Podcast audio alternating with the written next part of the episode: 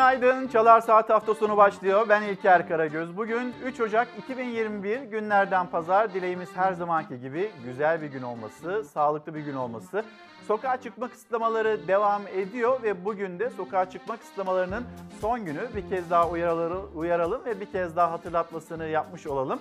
Ve bu yeni günde hem ekonomiyi konuşacağız hem siyaseti konuştuklarını konuşacağız, koronavirüsü konuşacağız ve yine gazetelerin ilk sayfasında yer alan önemli uyarılar var. Mesela kuraklıkla ilgili bu başlıklara bakacağız ve bugünkü etiketimiz daha çok, daha çok umut dediğimiz bir gün. Yeni yıla dair hayallerimiz, umutlarımız, beklentilerimiz devam ediyor kuşkusuz. Sizlerden de bu başlık altında katılımlar bekliyoruz. Daha çok umut, daha çok sevgi, daha çok saygı, daha fazla ya da daha çok empati ve daha çok demokrasi dediğimiz bir gün, bir yıl olsun. Bu çağrılarımızı iletelim. Şimdi koronavirüsü konuşacağız. Koronavirüsle ilgili e, başlıklara geçeceğiz. Aşı ile ilgili bir kafa karışıklığı var. Bu kafa karışıklığının giderilmesi adına yine hazırladığımız haberler var. Uzmanların görüşleri var.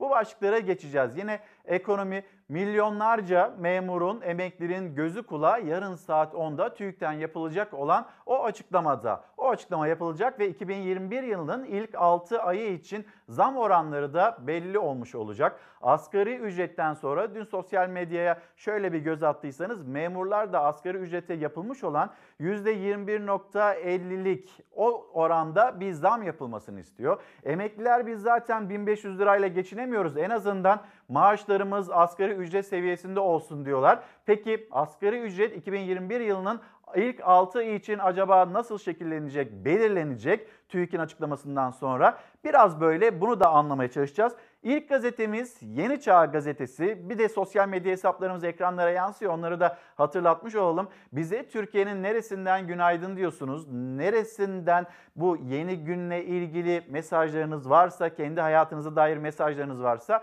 lütfen o mesajlarınızı da yazıp gönderin. İlker Karagöz Fox Instagram adresim, Karagoz İlker'de e, Twitter adresim. Buralardan bizlere ulaşabilirsiniz. Yeni Çağ Gazetesi, Yeni Çağ Gazetesi'nin manşeti bu havalar bizi mahvedecek. Şimdi biz ekonomiyi konuşuyoruz, koronavirüsü konuşuyoruz ama önümüzdeki günlerde, önümüzdeki aylarda en çok bu konuyu, bu başlığı konuşacağız.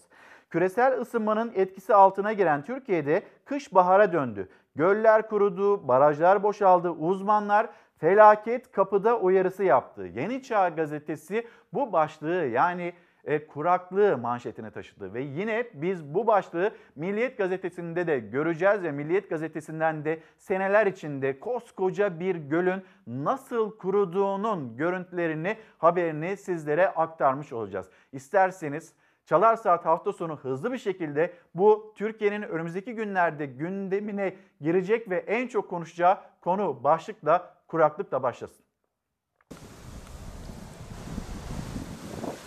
Yani bu giden sadece göl değil. Bu giden sadece su değil. Yani bu giden çocuk çoluğumuzun çocuğumuzun geleceği gidiyor. Soğuması, ağır kış şartlarının yaşanması beklenirken hava ısınıyor. Barajlardan, göllerden ardı ardına suların azaldığı, çekildiği haberleri geliyor. Kuraklık tehlikesi kapıda. İstanbul'daki barajların doluluk oranları son 10 yılın en düşük seviyesi olan %20'ye geriledi. Yağışlar beklenenden geç geldi. Toprak yeni yeni ıslanmaya başlamışken sıcaklıklar yeniden mevsim normallerinin üstüne çıktı. Ve bunun bir sonucu var. Kuraklık. Göllerde, barajlarda su çekilmeye, bir zamanlar su altında kaybolan ne varsa gün yüzüne çıkmaya başladı. İstanbul'da barajların doluluk oranı Aralık ayının başında %26 civarındaydı. İSKİ barajlardaki son durumu paylaştı. Veriler ürkütücü. Bu kadar kısa sürede yaşanan düşüş tehlikenin durumunun ciddiyetini gözler önüne seriyor. Güncel doluluk oranı %20.93. Son 10 yılın en düşük seviyesi. Bu orana en yakını 28 Aralık 2019'da %34.02 olarak ölçülmüştü. Burası Bursa İznik Gölü. Kuraklığın baş gösterdiği göl motorcuların parkuru oldu. İznik Gölü'nün bu derece çekildiğini hiç görmedim. Görsel olarak berbat. Yakında sazlıklar da çıkar buralarda. Burası Çanakkale Ayvacık, Tuzla ve Gülpınar köyleri arasındaki Tuzla çayı. Suyu çekilen gölde balıklar telef oldu. Kastamonu'daki Çiğdem göletinde de su seviyesinin düşmesi nedeniyle göletteki balıklar telef olma tehlikesiyle karşı karşıya. Riski önlemek için gölete yakınındaki bir barajdan tankerlerle su taşınmaya başlandı. ölüm tehlikesi geçiriyorlardı. E, su seviyesinin yükselmesine bağlı oradaki e, mevcut e, balık floramızın tamamının e, canını kurtardık. Kuraklık, susuzluk sonuçlarından biri ise kıtlık. Çiftçi ya ekmedi ya da ekmekten vazgeçti ürününü. Tokatlı çiftçi de kuraklık endişesi içinde. Yağmur yağmadığı için tarlalarımızdaki tezekler yumuşamadı. Yumuşamadığı için de görüyorsunuz. Taş gibi. Toprak kuru, tarlalar sürülemiyor. Çiftçi daha zor günlerle karşı karşıya kalmaktan endişe ediyor. Verim kaybı çok olacak bu yüzden. Allah sonumuzu hayretsin. Tarım dünyasını yazan Ali Ekber Yıldırım, Ali Ekber abinin bir kitabı var. Hem o kitabı göstermiş olayım. Üretme, tüket, ithalat, siyaset, rant kıskacında tarım. Bu kitapta sadece biz nasıl üretmeyi öğreniriz, yeniden üretmeye döneriz. Bu anlatılmıyor. Aynı zamanda su konusunda fakir miyiz, zengin bir ülke miyiz? Bununla ilgili bilgiler de veriliyor. Şimdi dünya ortalamasına yakın seviyelerde Türkiye'de suyun %73'ü tarımda, %16'sı konut ve yaşam alanlarında, %11'i ise sanayide kullanılıyor. Yani biz hani tasarruf çağrısı yapıyoruz. Evimizdeki musluğu işte ne bileyim dişlerimizi fırçalarken çok fazla tüketmeyelim. Bunun çağrısını yapıyoruz ama bunun kıymetli olduğunu hatırlarken diğer tarafta biz asıl suyumuzu vahşice olarak adlandırılabilecek yerde o sulama tekniklerinde ve tarımda tüketiyoruz. Suyun %73'ünü tarımda tüketiyoruz. Maalesef tarımsal sulamada amaç toprağı değil bitkiyi sulamak olmalı. Bu çağrıyı yapıyor, bu çağrıyı hatırlatıyor ve diyor ki Ali Ekber Yıldırım Türkiye su zengini değil fakat suyu zenginmiş gibi kullanıyor. Su tasarrufu denilince diş fırçalarken musluğu açık bırakmamak, bulaşığı elde değil makinede yıkamak gibi önlemler gündeme getiriliyor. Bunlar önemli. Her damla suyun çok büyük bir önemi var. En önemlisi tarımsal sulamada yapılacak tasarruftur. Çünkü suyun %73'ünü biz burada tüketiyoruz. Bugün Çalar Saat hafta sonunda Ali Ekber abinin kitabından alıntılar yapacağım. Su anlamında ya da üretim anlamında, tarımda nasıl biz bayağı bir geriledik. Hani ilkokul döneminde bu çağlarda kendi kendine yeten bir ülke iken nasıl oldu da sürekli ithalat kartını çeken bir ülke haline geldik? Bunu konuşacağız ve daha çok başlığı altında daha çok üretim de diyeceğimiz bir gün olacak. Şimdi hemen sizlere yönetmenimiz İrfan Tomakin'den bir rica edeyim. Fox TV'nin İstanbul merkezinden şöyle bir Zeytinburnu sahiline bakalım. Sokağa çıkma kısıtlamasının 80 saatlik sokağa çıkma yasağının olduğu son günde İstanbul yeni güne böyle başlıyor. Bugün hava sıcaklığı yine 15-16 derece dolaylarında olacak. Güzel bir gün ama maalesef önümüze kuraklık olarak çıkacak günlerde yaşıyoruz. Hemen bir de Ankara'yı gösterelim. Fox TV'nin Ankara bürosunun çatısından da Ankara'nın kalbi Kızılay'a doğru şöyle bir baktığımızda yeni günün yine Ankara'da az bulutlu geçeceği bilgisini verebiliriz. Hava sıcaklığının 10 derece dolaylarında olacağının bilgisini de aktardıktan sonra isterseniz bir memleket havası diyelim. Sizler de kendi memleketinizde yeni güne nasıl başlıyorsunuz? Bunun mesajlarını da bizimle paylaşabilirsiniz. Bir memleket havası devam edelim. Doğuda buz, batıda güneş var ama yine de mevsim normallerinin üzerinde sıcaklıklar. Yağmur az, kuraklık tehlikesi ise giderek büyüyor. Türkiye Ocak ayında bahara hazırlanıyor adeta. Bugün İstanbul 15, İzmir ve Ankara 14, Şanlıurfa 18, Antalya 20 derece. Balıkesir'de yüksek kesimlerde kar var ama sahil kesimlerde ise denize girenler vardı dün. Belki de mevsime uygun hava sıcaklıklarının olduğu tek yer Doğu Anadolu. Orada da Sibirya soğukları göz açtırmıyor. Erzurum eksi 11, Kars eksi 16 derece. Ağrı'da donan su deposu metrelerce buz kütlesi oluşturdu. Meteoroloji Genel Müdürlüğü bugünse sadece kıyı Ege ile Edirne, Kırklareli, Tekirdağ ve Çanakkale çevrelerine yağmur haberi verdi. Diğer yerler az bulutlu. Doğuda buzlanma ve don olayıyla birlikte iç ve doğu bölgelerde yer yer pus ve sis hadisesi bekleniyor. Mevsim normallerinin üzerinde seyreden sıcaklıklar, yağsız geçen sonbahar ve kış, barajları dolduracak, yaklaşan kuraklık tehlikesini durduracak yağışlar bekliyor Türkiye. Yoksa durum endişe verici. İstanbul'da örneğin iki önemli baraj, Ömerli ve Terkos Gölü, korkutucu görüntüler veriyor. Ömerli'de yavru balıklar ölüm tehlikesiyle karşı karşıya kaldı. Vatandaşlar suları çekilen barajda yavru balıkları yaşatmak için zamanla yarıştı. Kurtardığımız balıklar şu an burada bilmiyorum suyun altında görebiliyor musunuz? Sadece İstanbul değil Adana Kozan Barajı'nda da kuraklığın oluşturduğu tablo havadan görüntülendi. Sizlerden gelen mesajlar, günaydın diyen izleyicilerimiz var. Bizler de günaydınlarımızı iletelim. Reyhan Özcan Marmaris'ten selamlarını iletiyor. Dürüst ve inanılır bir sağlık sistemi ve aşılama daha çok başlığı altında göndermiş olduğu mesaj bu şekilde. Özgür Bey günaydın aramıza hoş geldiniz. Gündem takibinde olan izleyicilerimizden bir tanesi bizlere de iyi yayınlar diliyor. Çok sağ olun. Daha çok coğrafya öğretmeni olarak kuraklık geliyor diye söyledim ama e, ne yapacaksınız ki en sonunda kuraklıkla ilgili tüm uyarılara kulak tıkandı ve bu kuraklıkta hayatımıza girdi, kapıyı da çaldı. Kapıyı çalmaktan öte kapıyı kırdı desek belki de çok daha doğru olacak. Yeni Çağ Gazetesi'nde bir haber daha var. Ekonomiye dair daha çok zam isteyen kesimler var. Bu maaşlarla geçinemiyoruz diyenler var. Onlarla ilgili de hem gelen mesajları paylaşalım hem de ekonomide bu alanlarda emekliyle ilgili, asgari ücretliyle ilgili, asgari ücretin üzerindeki vergiyle ilgili haberlerimiz var. Onları da aktaralım sizlere. Asgari ücretli gıdayı da taneyle alıyor. En düşük ücret alan 7 milyonluk işçi kesimine yapılan %21 zam gıdadaki artışın hiçbirine yetişemedi. Ekmeğe %25, ete %37 ve yumurtaya yapılan %76 zam dar gelirliği artık gıda ürünlerini tek tek almaya zorladı. Asgari ücretli son bir yılda 14 çeyrek altın kaybetti. Maalesef giderek pahalılaşan hayat ve asgari ücretlerin çalışan herkesin, Türkiye'deki herkesin cebinden yavaş yavaş bu paraların akıp gitmesi ve mutfakta yaşanılan problemler konuşacağımız konulardan bir tanesi. Geleceğiz şimdi bu koronavirüs gündemi işte bütün dünyanın gündemi 8 milyar insanın gündemi. Hürriyet gazetesinin de manşetinde İngiltere'de başlayan bir mutasyon dünyanın dört bir tarafına yayıldı ve Türkiye'de de bu mutasyonlu virüsün 15 kişide olduğu bilgisini Sağlık Bakanı Fahrettin Koca aktarmıştı. Mutasyon var iki kere dikkat Hürriyet gazetesinin manşeti. İngiltere'de ortaya çıkan mutasyonlu virüs Türkiye'de de 15 kişide görüldü. Bilim adamları korkuya, paniğe gerek yok ama iki kere dikkatli olun. Daha çok dikkat edilmesi gerekiyor diyor bilim insanları. Bilim Kurulu üyesi Profesör Doktor Mustafa Hak e, Has Öksüz'e göre mutasyonlu virüs nedeniyle alarm durumuna geçmeye gerek yok. Aşılama başlayınca mutasyon azalacak ama vatandaşlar yine de iki kere dikkat etmeli. Tedbirlerden ödün vermemeli. Özellikle de mutasyonlu virüsün görüldüğü bölgelerde yaşayanlar daha dikkatli olmalı.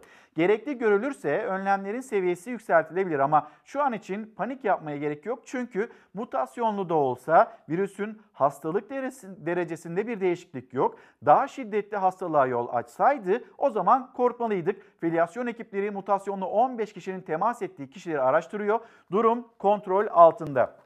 Mutasyon ve işte Türkiye'nin koronavirüs gündemi, Türkiye'nin tablosu. Buna da geçiş yapacağız. Hemen Sağlık Bakanı'nın sosyal medya üzerinden vermiş olduğu mesaj ve e, yine uyarıları onları da aktaralım sizlere. Bu arada halk sağlığı uzmanı Kayı Ampala dün yine burada ağırladığımız Profesör Doktor Mehmet Ceyhan bu mutasyonla ilgili hangi cümleleri kurdular onları da aktaralım. Tespit edilen hasta sayısı 1713 hasta sayısının düştüğünü tabloda hastanelerde tedavi gören hastaların sayısının düştüğünü görüyoruz.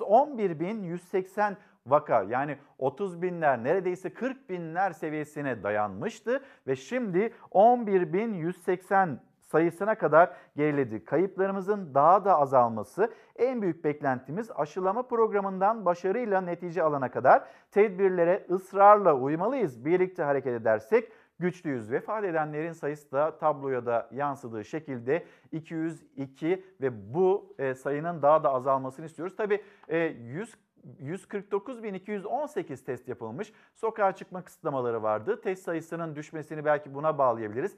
Test sayısı arttığında bu vaka sayılarında tedavi görenlerin sayısında belki de e, biraz daha yükselme olabileceğini söyleyelim. Ve gelelim mutasyon, mutasyona uğrayan virüs hayatımızı yine teslim alacak mı? Biz acaba 2021 yılını nasıl geçireceğiz? Biz bu virüsten 2021 yılında kurtulmayı başarabilecek miyiz? Bununla ilgili haberimiz. Bu virüsün geçirdiği mutasyon insandan insana bulaşı artırdı. Daha güçlü önlemler almamız zorunlu.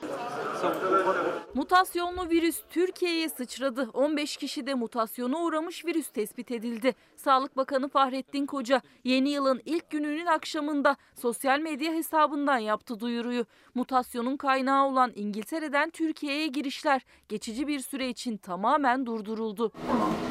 Açıklamada son dönemde İngiltere'den yurda giren kişilerin tamamına geriye dönük tarama yapıldı. Taramalar sonucunda 15 kişide mutasyonla uyumlu virüs yükü tespit edildiği belirtildi. Vakaların tarama başladığından bu yana izolasyonda olduğu, temas çevrelerinin de karantinaya alındı ve mutasyonlu virüsün kontrol altında olduğu da eklendi. Mutasyona çok kötü bir şey gözüyle bakmamak lazım. Bu beklediğimiz mutasyonun bir ilk aşaması olabilir. Daha az zarar verici hale gelirse işte tam da istediğimiz mutasyon ortaya çıkar. Zaten böyle bir mutasyon lazım salgının sona ermesi için. Türkiye dahil 18'den fazla ülkeye yayıldı mutasyona uğrayan virüs. Ölüm oranının artmasına ya da daha ciddi bir hastalığa neden olmadığı ancak daha çok bulaşıcı olduğu ortaya çıktı. Çalar Saat'te İlker Karagöz'ün konuğu olan Enfeksiyon Hastalıkları Derneği Başkanı Profesör Doktor Mehmet Ceyhan mutasyonun korkulacak bir durum olmayabileceğine, aksine salgının sonunu getirebileceğine dikkat çekti. Mutasyona uğrayan virüsün iki özellik kazanması lazım aynı anda. Bir, daha hızlı bulaşması lazım. İki, daha zararlı olması lazım. Bunlar bazen biri önce görülür, tek başına biri geliştiği zaman, şimdi işte korktuğumuz gibi bir değişiklik ortaya çıkar. Ama diğeri de gelişecek ki bu mevcut orijinal virüsün yerini alsın, daha hızlı bulaşsın hem de daha az zarar versin. Bir süre sonra ikinci bir mutasyonla işte tam da istediğimiz şey olur. Koronavirüs tablosundaki iyileşme ise devam ediyor. 2 Ocak tablosunda günlük vaka sayısı 11.180'e geriledi. Hasta sayısı düne göre yüksek 1713. 3764 ağır hasta sayısıyla son bir ayın en düşük seviyesini gördü Türkiye. Can kaybı sayısı da düşmeye başladı. Dün 202 kişi hayatını kaybetti. Sevinmekten çok biraz daha gayret edip bu vaka pozitiflik oranlarını düşürmemiz lazım. Ruhi Bey günaydın. Ruhi Becenek Instagram'dan göndermiş. Hiçbir şey için daha çok talebimiz olmadı bizim. Yaşayacağımız kadar gelir, öldürmeyecek kadar adalet, nefes aldıracak kadar sağlık, okuyacak kadar eğitim, ekecek bir avuç toprak ve biraz tohum yetecek bize. Ama yok, hiçbirisi yok. Daha çok başlığı altında gönderdiği mesaj. Hürriyet gazetesinde bir haber daha. Cumhurbaşkanı Erdoğan'ın e, dün yapmış olduğu bir açılış ve bu açılışta e, ekonomiyle ilgili kurmuş olduğu bir cümle 2021 yılı şahlanış yılı olacak dedi Cumhurbaşkanı Erdoğan ve ekonomiyle ilgili cümleler üzerinden de ana muhalefet lideri e, Genel Başkanı CHP lideri e, Kılıçdaroğlu'yla bir atışmaları yaşanılan bir polemik ekonomi başlığında. Kömürhan Harput'a artık böyle bakacak. Hürriyet gazetesindeki e, haber Kömürhan Köprüsü Harput'a bakar dizesiyle Fırat Ağıtı'na konu olan Elazığ'daki Kömürhan Köprüsü yeniden yapıldı ve bağlantı yollarıyla birlikte dün hizmete girdi. Dünya dördüncüsü modern tasarımıyla dikkat çeken Kömürhan Köprüsü toplam 660 metre uzunluğuyla kendi sınıfında dünyanın dördüncü uzun köprüsü olduğu 16 ilin geçiş noktasını oluşturan köprü Malatya Elazığ güzergahını 1 kilometre kısalttı. Bu sayede yılda zamandan 9.3 milyon, yakıttan 4.7 milyon lira tasarruf sağlanacak. Fırat Ağıdı'ndan Kömürhan Köprüsü'nün geçtiği dörtlü okuyan Cumhurbaşkanı Erdoğan artık Fırat'ın azgın sularında hayatlarını kaybeden vatandaşlarımızın ardından ağıtlar yakılmayacak dedi ve yine buradaki konuşmasında 2021 yılının şahlanış yılı olacağını söyledi. Köprüyle ilgili açılış ve yine köprüye gelen zamlar aslında CHP lideri de köprüye gelen zamları hatırlattı. Bu nasıl bir şahlanış yılı olacak sorusuyla. 2021'i her alanda yeni bir şahlanış yılı haline getirmek istiyoruz. Hayal aleminde geziyorlar. İnsanların karnının doyması, insanların adalet beklemeleri. Bunlarla Erdoğan'ın bir ilgisi yok. Erdoğan tümüyle sarayında oturuyor. Saraya baktığı zaman herkesin karnı doyuyor.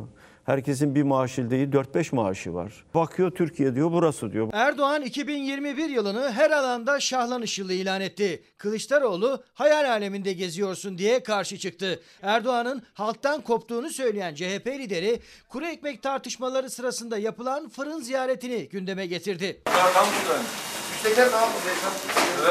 Fırından ekmek almaya 3000 polisle, yüzlerce araçla, helikopterlerle. Allah aşkına bu israf nedir ya? Hani bir düşman ülkesine gitsen hadi böyle bir koruma ordusuyla git. Ya burası senin vatanın ya. O fırıncı da senin fırıncın. O fırıncının derdini sordu mu acaba? Bunlar Türkiye'nin ekonomide ve yatırımlarda olduğu gibi demokraside, hukukta, özgürlüklerde de ilerlemesine tahammül edemezler. Cumhurbaşkanı Erdoğan Fırat'ın üzerine yapılan Malatya Elazığ birbirine bağlayan Kömürhan Köprüsü'nün açılışında konuştu. Kılıçdaroğlu Halk TV'de katıldığı programda her ikisinin gündeminde de köprüler vardı ama farklı gündemlerde. Her şeyiyle yüzde yüz yerli ve milli kaynaklarla inşa edilen bu eser ülkemizin sembollerinden biri olacaktır. Köprüden geçerken kardeşim dolar bazında fiyat mı olur ya? Her şeye dolar üzerinden e, zam yapmaya başladılar. Dolarlar esas alınmaya başlandı. E maaşı da bari dolarla ver o zaman. Ne ver memur maaşlarını, asgari ücret hepsini dolar üzerinden ver. Bir de biz yerliyiz ve milliyiz diyorlar. Bunlar ülkenin ve milletin faydasına hiçbir adım atmadıkları gibi atılan hayırlı adımlardan da rahatsız olurlar. Aldığınız bütün o vergiler istihdam yaratmayan alanlara gidiyorsa ve 10 milyon işsiz bir kitle çıkıyorsa sizin ekonomik politikanız iflas etmiştir. Kılıçdaroğlu 10 milyon işsiz var. Ekonomi politikanız iflas etti dedi. Erdoğan eser siyaseti yapıyoruz diye karşı çıktı. Dünyada kamuda en fazla ihale alanlar listesinde ilk ona giren 5 şirket de yine gündemdeydi. Beşli çete diye tanımladığımız. Vergi ödüyorum. Bir de benim torunumu borçlandırıyorlar. Böyle bir rezalet olur mu? Vatandaşı soyan düzeni ben devam ettirirsem benim onlardan ne farkım olacak? 49 yıl ödeyeceğim. 30 yıl ödeyeceğim. Ya bu bir soygun düzeni değil midir? Biz bunları aldırmadan hizmet siyaseti diyoruz. Eser siyaseti diyoruz. Siz mal varlığınız dolayısıyla tehdit edilir noktaya gelmişseniz siz o ülkeyi bağımsız yönetemezsiniz. Cenk Alp günaydın. Bu ekonomik durgunlukta 55 milyon aşı şırıngası neden tek firmadan alınıyor? Bu soruyu soruyor. Bir başka izleyicimiz emekliyi de asgari ücretliyi gündemde tuttuğunuz kadar gündemde tutun lütfen diyor. Aslı Ceylan Gökmen günaydın. Elçin Karasu selamlarımızı iletelim. Zehra Kılıç, Zehra Kılıç kendisi bir emekli. Yeni yıla evime meyve alamadan girdim. Lütfen bizim durumumuzu görsünler diyen bir izleyicimiz. Siyasetin bir başka konusu başlığı. Vitrin kavgası Cumhurbaşkanı Erdoğan muhalefet saflarında siyaset yapan başörtülü kadınlar için vitrin mankeni ifadesini kullandığı CHP liderinden başörtülü kadınlardan özür dile cevabı geldi. Muhalefet ve iktidarı karşı karşıya getiren tartışmayla birlikte Türkiye'nin yıllar önce aştığı sorunun bir kez daha ısıtılması toplumda rahatsızlık yarattı e, değerlendirmesi manşeti Karar Gazetesi'nin ilk sayfasında. Bu tartışma devam ediyor hem de böyle daha da artarak daha da alevlenerek devam ediyor. Cumhuriyet Halk Partisi'nin özür dile çağrısıyla birlikte. Başörtülü birkaç kişi de yanlarında adeta böyle vitrin mankeni gibi getirip koymak kimseyi artık aldatmıyor. Geçti o işler. Çıkıp özür dilemesi lazım. Hiçbir kadın vitrin süsü böyle vitrin konusu falan filan değildir. Bir insanın bir başka kişiyi aşağılamak gibi bir hakkı yoktur. İktidar ve CHP hattında Erdoğan'ın CHP'deki başörtülü kadın siyasetçiler için kullandığı adeta vitrin mankeni sözünün yarattığı gerilim yüksek. Kılıçdaroğlu özür bekledi. İktidar kanadından özür yerine takiye yapıyorlar suçlaması yükseldi. CHP lideri özür isteğinin peşini bırakmadı. Bay Kemal yanına iki tane başörtülü başörtülü alıp bununla milleti aldatma sürecini de bir kenarda bıraksın. Milleti aldatamazsın. Erdoğan vaizelerle toplantı yapmamıştır ama bu kardeşiniz vaizelerle de toplantı yapmıştır. Ama bunları kalkıp da televizyonlarda şov için yapmıyorum. İki lider yeni günde de konuştu. Erdoğan tartışma yaratan vitrin mankeni sözlerine yenisini eklemedi. Bu konuya girmedi. Kılıçdaroğlu'nun sağ sözlerinin de sesinin de tonu düşüktü bu kez. Ama tartışmanın alevi hala sıcak. Ayasofya'nın ibadete açılmasından başörtüsü hazımsızlığına kadar birçok alanda bu habis zihniyetin yansımalarını görüyoruz. Erdoğan gündem yaratamıyor. Bütün hayatı nasıl ben Kemal Kılıçdaroğlu'nu yok ederim, zor duruma sokarım. Sokamazsın kardeşim, sokamazsın. Fikri Sağlar'ın türbanlı bir hakimin karşısına çıktığım zaman adaleti yerine getireceği konusunda kuşkum var sözüyle alevlenen tartışmada Kılıçdaroğlu tavrını net koydu. Farklılıklara saygı duymalıyız, kimlik siyaseti yapmamalıyız. Başörtüsü siyasetin gündemi olmamalı dedi. Ama Erdoğan'ın kendisi üzerinden gündem yaratma çabasında olduğunu söyledi. Tabii Bay Kemal bir şey söyleyemiyor. Ben yeri geldiğinde Cumhuriyet Halk Partisi'ni de uygulamaları nedeniyle eleştiren birisiyim. Ama artık 21. yüzyılda başörtüsü sorununu gündeme getirip bak Bay Kemal konuşmadı. Halbuki ben konuştum. Bizim konuşmalarımızı havuz medyası vermiyor. Erdoğan da onları izlediği için benim hiç konuşmadığımı sanıyor. Yanına iki tane değil 20 tane başörtülü koysan artık senin kim olduğunu ne olduğunu gayet iyi biliyorlar. Kapanmış bir konudur yani. Boşuna tartışıyoruz yani. Ben senin giyimine, yaşam tarzına saygı duyuyorum. Bu değerler üzerinden seni bir toplum ötekileştiriyorsa gel bana haber ver kardeşim. Beraber yürüyeceğiz. Başörtüsü düşmanları bugün kendilerini takiye yapmak zorunda hissediyorsa bu Cumhurbaşkanımızın kararlı duruşu ve siyasi mücadelesi sayesindedir. Milletimiz sahici siyaseti de tanır, sokma akılla yapılan yalancı siyaseti de. İktidara geleceğiz. Kişinin inancıyla, kimliğiyle, yaşam tarzıyla uğraşmayacağız da. O insanların sorunları varsa o sorunlara kilitleneceğiz. Başı açık veya başı kapalı. Çocuğu işsiz. Ayıracak mısınız onları? Hayır. Onları ayırıyorlar. Biz ayırmayacağız. Kılıçdaroğlu noktayı koydu ama siyasette vitrin mankeni tartışması kolay biticiye benzemiyor. Devam ediyoruz. Sözcü gazetesi yazarı Deniz Zeyrek şu anda yanımızda. Deniz abi günaydın. Günaydın. Bugün daha çok böyle ekonomiyi konuşacağız dedik ama bir tane haber var, bir başlık var. Evet. Ee, Boğaziçi Üniversitesi'ne atanmış olan bir rektör ve bu e, rektör atamasından sonra oradaki öğrenci kurulları bu atamaya itirazları. E, hemen bir şey yapalım. Yani o haberi de izleyicilerimizle paylaşalım ama diyelim ki bir gazete pencere, gazete pencerenin manşeti, gazeteler nasıl değerlendiriyor bu atamayı? Vekillik olmadığı rektörlük verelim. Hani tartışma da şuradan çıkıyor. AK Parti milletvekili aday adaylığına başvuran bir isim. E, o dönem hani listeye girememiş ama yıllar sonra e, kendisi Boğaziçi'ne rektör olarak atanınca böyle bir başlık vekillik olmadı rektörlük verelim Boğaziçi Üniversitesi rektörlüğüne 2015'teki seçimlerde AK Parti'den aday adayı olan Haliç Üniversitesi rektörü Profesör Doktor Melih Buluğa atandı. Öğrenciler tepkili. Şimdi bu haberimize bakalım hep birlikte sonrasında da değerlendirelim. Merhaba sevgili öğrenciler. Yeni yılın ilk tartışmalarından biri de Boğaziçi Üniversitesi'nde yapılan rektör ataması. Cumhurbaşkanlığının 1 Ocak 2021 tarihli kararıyla üniversitenin yeni rektörü daha önce AK Parti'nin İstanbul Milletvekili aday adayı olan Melih Bulu oldu. Öğrencilerden tepki geldi. Öğrenciler, atanan AKP'li milletvekili aday adayı olmuş bir ismin üniversitede elbette rektör olmasını istemiyor. Biz rektörlerimizi seçmek istiyoruz. Atanmış değil seçilmiş rektör istiyoruz. Boğaziçi Üniversitesi 5 yıl önceki tartışmaların aynısını yaşıyor. Bu kez eğitim uzaktan. Ama 2016'da da yüksek oy alan isim değil, rektörlüğe aday bile olmayan bir başka isim atanmıştı. Tepkilerin ardı arkası kesilmemişti. 2016'da rektörlük seçiminde oyların %86'sını alan Profesör Doktor Gülay Barbarosoğlu'nun yerine aday olmadığı halde AK Parti Eskişehir Milletvekili Emine Nur Günay'ın kardeşi Profesör Doktor Mehmet Özkan atanmıştı. Bu kez de ismi siyasetle yan yana olan bir akademisyen getirildi rektörlüğe. Biz o zaman da tepkimizi gösterdik. Çünkü böyle bir ortamda bilim olmaz. Profesör Doktor Melih Bulu 1992'de Orta Doğu Teknik Üniversitesi Endüstri Mühendisliği bölümünü bitirdikten sonra Boğaziçi Üniversitesi'nde yüksek lisans ve doktorasını tamamladı.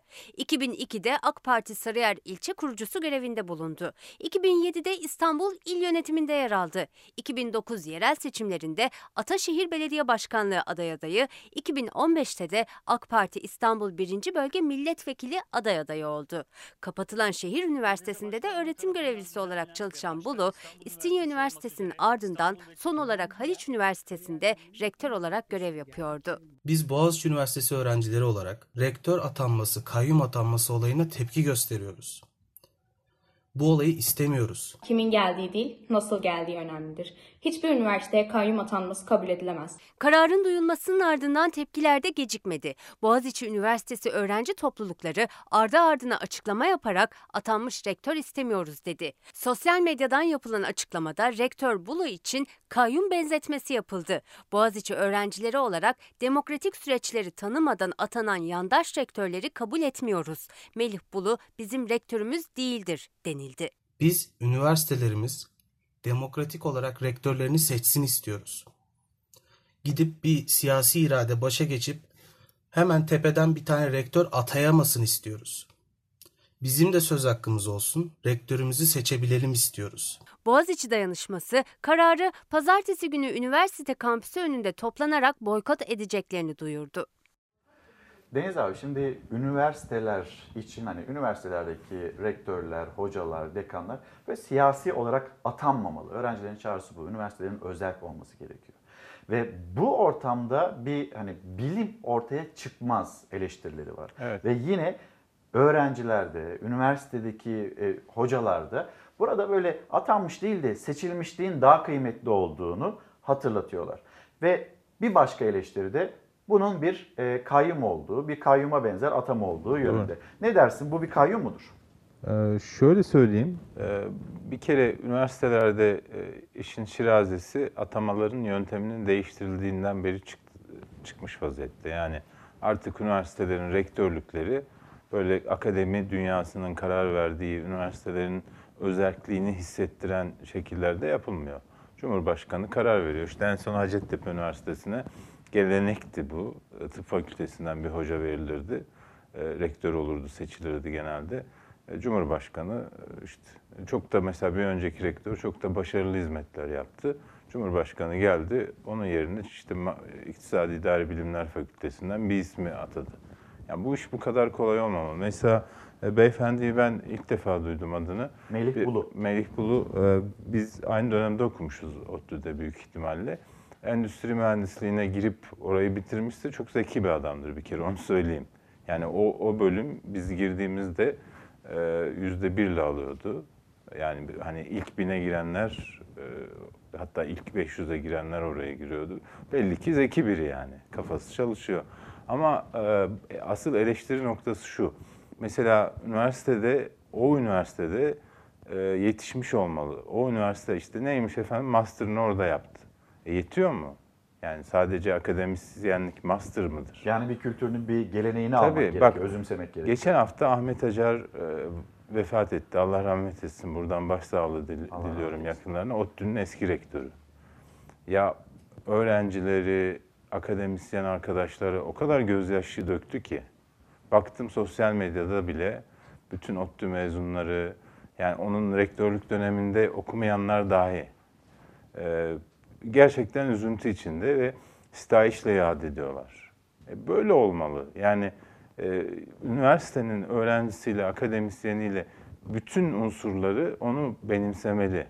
Şimdi hatırlar mısın Gülay Hanım vardı, Gülay Barbarosoğlu. Seçime girdi, Boğaziçi'nde yüzde 86 oy aldı. Bu tarihi bir rekor.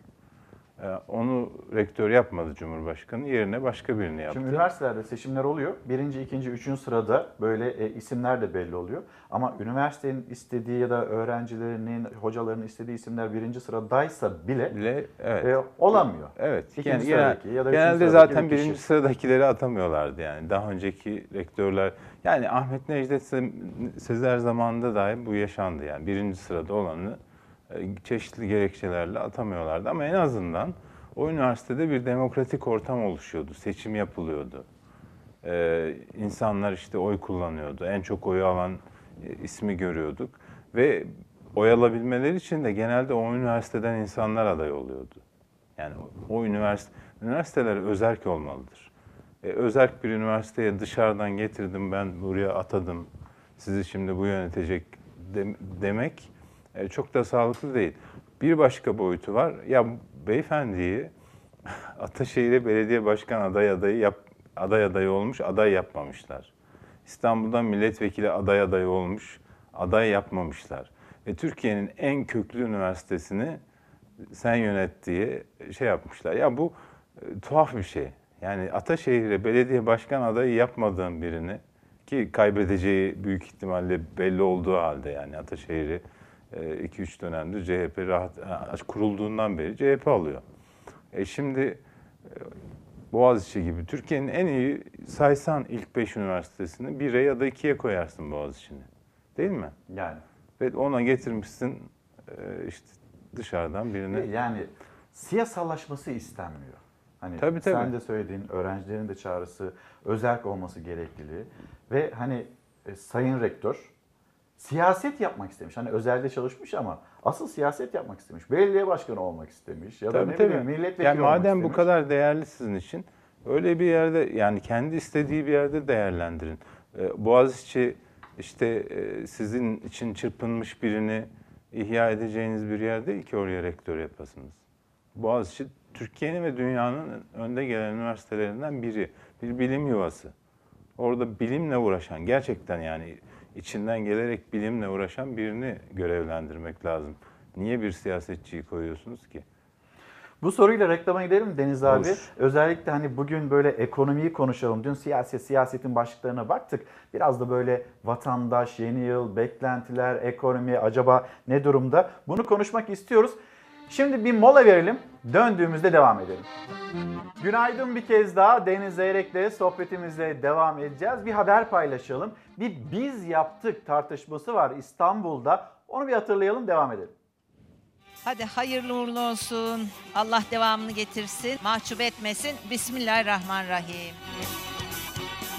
Bizim yaptığımız o Cibali Ali Beyköy arasındaki hat açıldı. İstanbullara hayırlı olsun. Biz yaptık anlayışına gelmiş olmaları sevindirici. Gerçekten biz yaptık. İstanbullu olanlar bunu keyifle söyleyebilirler. İster AK Partili olsun, ister e, diğer partilerden olsun. Anlıyorum, kıskanıyorlar. İstanbul'da 2021'in ilk tartışmasının adı tramvay. 2016'da ihalesi yapılan, 2018'de açılacağı önceki belediye başkanı Mevlüt Uysal tarafından söz verilen ama bitmeyen 2019'da seçimden birkaç gün önce test sürüşü yapılan tramvay hattı 2021'de açılabildi. AK Parti biz yaptık dedi, İmamoğlu yanıt verdi. Bitiremediler. Geldiğimizde durmuş bir proje aldık. O bahsettiğim %55'lik kısmını yaklaşık bir yılı biraz aşkın sürede pırıl pırıl bir şekilde yapıp İstanbullulara kazandırdık. Sadece 1.3 kilometresinin tekrardan söküp yıkıp yeniden yapmak zorunda kaldık. Yanlış yapılmış bir hattın o bölümünü Sayın Kılıçdaroğlu ile birlikte bu Millet İttifakı'nı kurmasaydık bugün bu hizmet kaça mal olmuş olacaktı? Bitmiş olacak mıydı? İstanbul Büyükşehir Belediye Başkanı Ekrem İmamoğlu, İyi Parti Genel Başkanı Akşener ve CHP Genel Başkanı Kılıçdaroğlu ile birlikte bindi tramvaya. Millet İttifakı'nın fotoğrafına AK Parti'de bu fotoğrafla ses yükseltti. Biz zaten yapmıştık, hat iki durak eksik açıldı dedi. Buyurun 19 Mart 2019'da o dönemin İstanbul Büyükşehir Belediye Başkanı Sayın Mevlüt Uysal ve yanındaki bürokratlarla beraber hattın test sürüşünü yapıyor. Bitmemiş hattın test sürüşü yapılabilir mi? Bu kadar basit. Neden açılamadı peki? O dönemde niye açılmadı? Birkaç tane hat daha vardı. Mesela Mecidiyeköy, Mahmut Bey metro hattı, efendim Ali Beyköy bu hat. Bunlar açılmadı. Seçim dönemi açmayalım diye arkadaşlar bir etik değerlendirmede bulundular. Seçim dönemi açılmak, seçim dönemi hani açılışlar yapıyorsunuz anlamında bir değerlendirme yapılmasın diye. Yoksa o gün bu hat çalışabilecek fonksiyonlara sahip bir hat. Bunların nasıl test sürüşü yaptığını anlatacağım ben size. Ya inanın Nasrettin Hoca fıkrası gibi ya. Bir kere 19 Mart'ta yapılıyor bu. Neden? 31 Mart'ta ne var? Seçim var. Elektrik yok. Trafo yok. istasyon yok. 800 metre ray döşenmiş. iki tane vagon getirmişler. Test sürüşü diye görüntü vermişler. Sonra oradaki vagonları tekrar Bursa'ya götürmüşler. Çünkü vagonlarda da eksik var. Bir tane proje yaptınız mı? Bir tane metro proje ihalesine çıktınız mı? Sizin vasıtanıza soruyorum. Yarım kalan yarım kalan bir metro yok. Süreci devam eden metrolar var. Soruya yanıt verdi İBB Başkanı. Beylikdüzü metro ihalesi bu yıl yapılacak ama ihaleden çok proje, kaynak ve sonuç daha önemli dedi, örnek gösterdi. Mahmut Bey Esenyurt attı. Evet ihaleyi yaptılar 2017'de. Çivi çakılmadı. Daha ötesini söyleyeyim mi? Projesi yok. Finansmanı da yok. Ama şimdi finansmanı da bulduk. Alkışlamayı öğrenmeliler ve alışmalılar.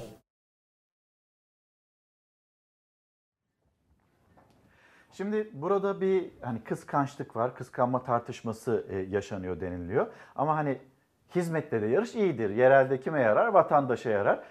Ama bu tartışma e, nereye evrilecek? Çünkü e, sen de Deniz abi daha öncesini herhalde gittin, gördün Evet, evet. değil mi? Yani bu- Tesadüf ben şimdi şey olunca jeton düştü. Ben bir mühendis arkadaşımı ziyaret etmek için gitmiştim oradaki şantiyeye. Yani bu hattın şantiyesine. Öyle bitmiş falan bir hat yoktu.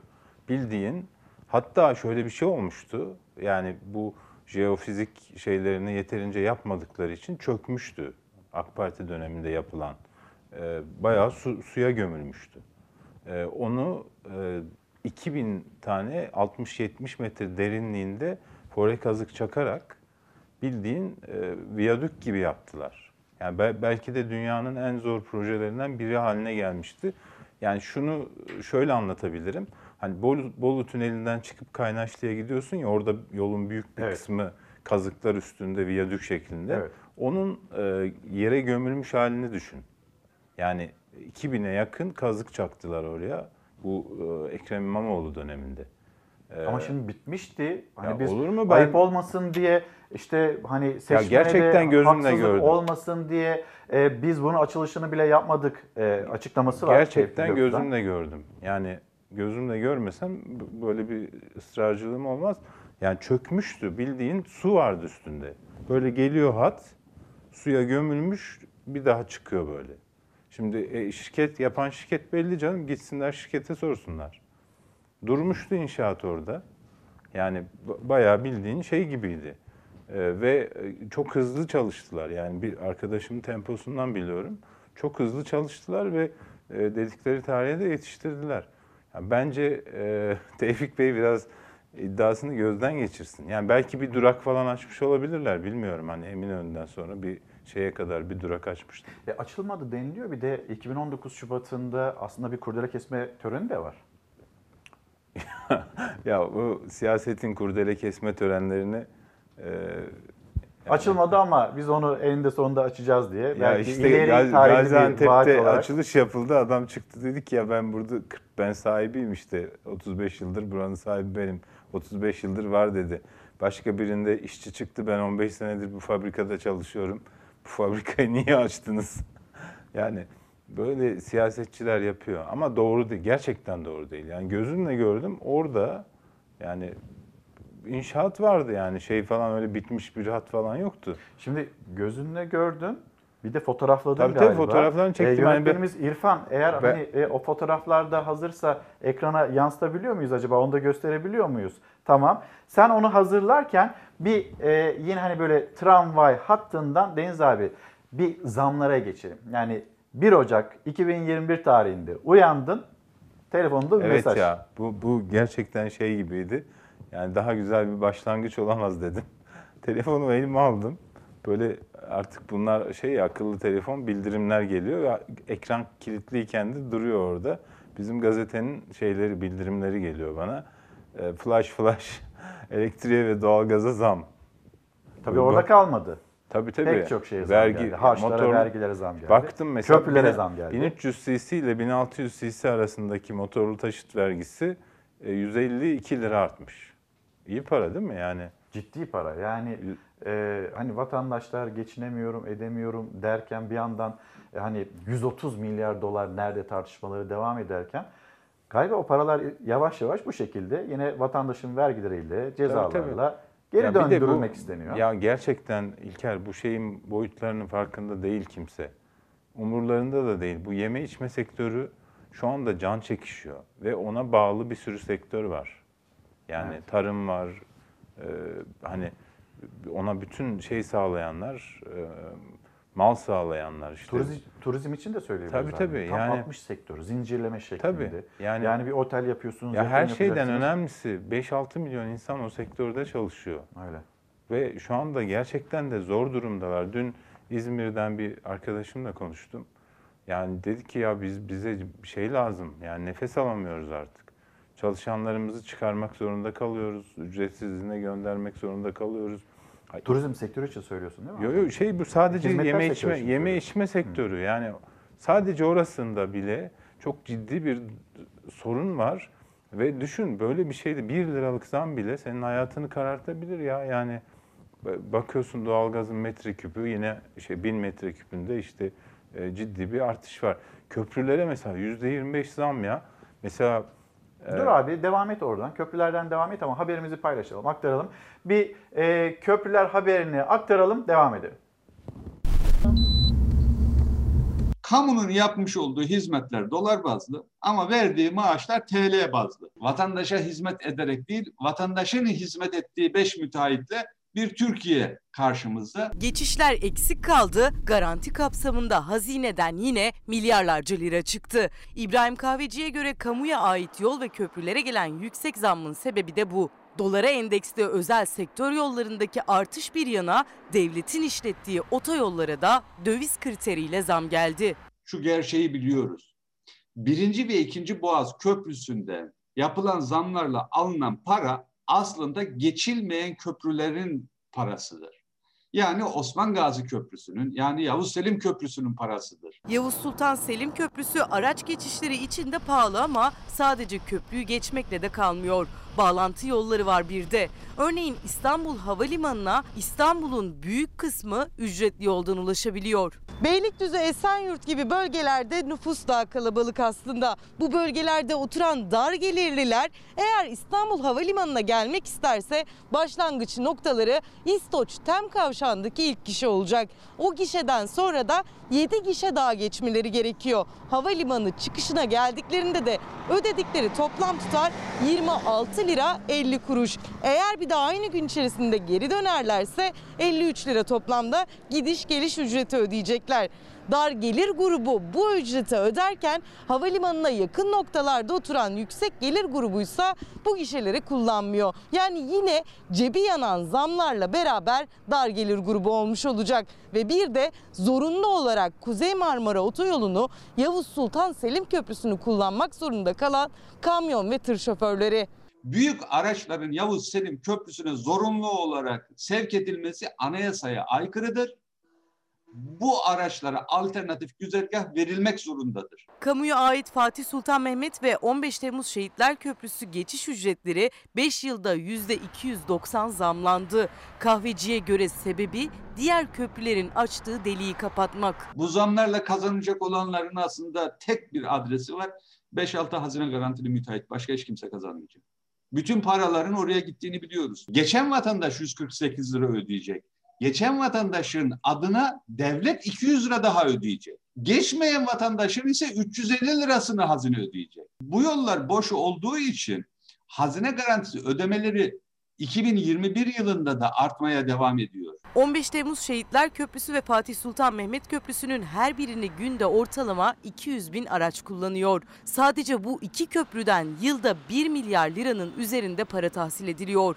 Ekonomi yazarı İbrahim Kahveci'ye göre Karayolları Genel Müdürlüğü'ne bağlı olan köprülere yapılan zamlar örtülü birer vergi. Bu köprülerin yapım maliyeti tanesi bugünkü fiyatlarla deseniz 500 milyon doların altındadır. Kredi maliyetini hepsini kredi kullansanız dahi 7-8 yılda kendini amorti eden bir köprü. Biz devletin dolaylı olarak topladığı vergilerin veya direkt olarak topladığı vergilerin devlete yetmediğini görüyoruz. Vatandaş bunları ödemek zorunda. Köprüyü geçerken ödeyecek. Yarın öbür gün havayı solurken de ödeyecek.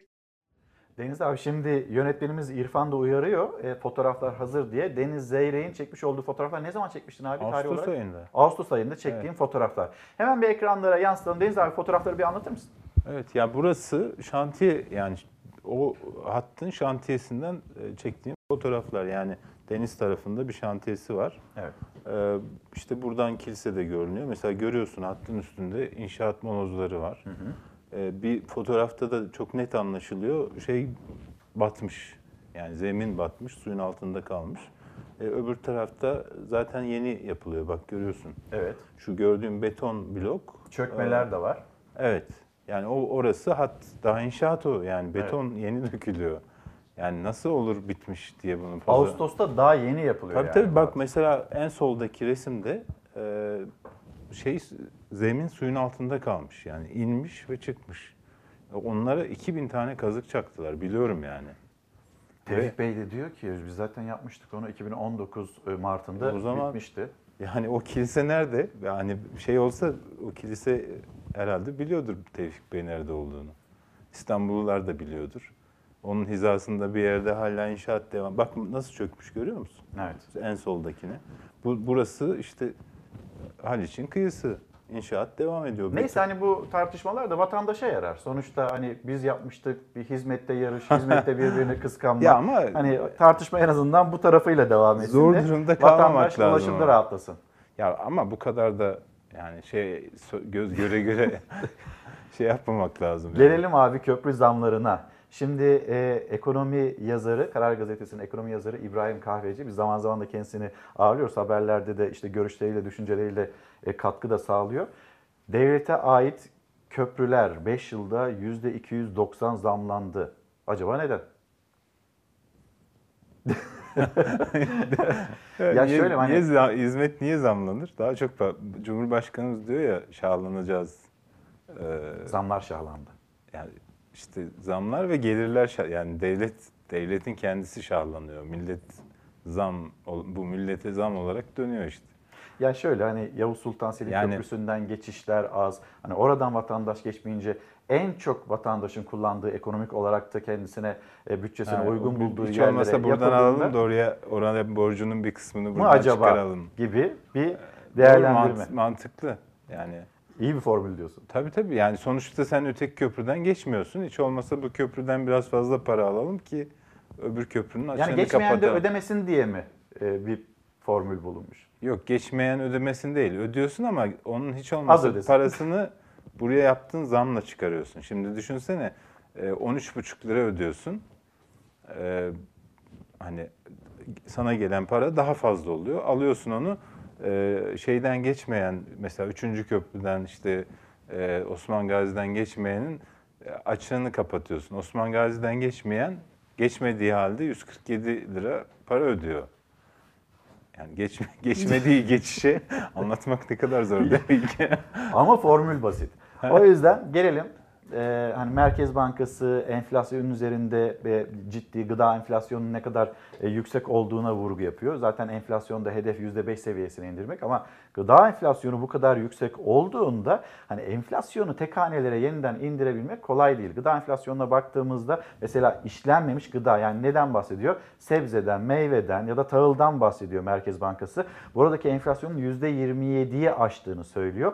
Burayla mücadele e, edilecek çağrıları var. Şimdi hani üretmeden enflasyonla mücadele etmek mümkün değil. Bu e, cümle de aslında Profesör Doktor Veysel Ulusoy'a ait. Hem üretmeyeceğiz, üretimde sıkıntılar ya da daralmalar yaşayacağız hem de gıda enflasyonunu aşağı çekeceğiz.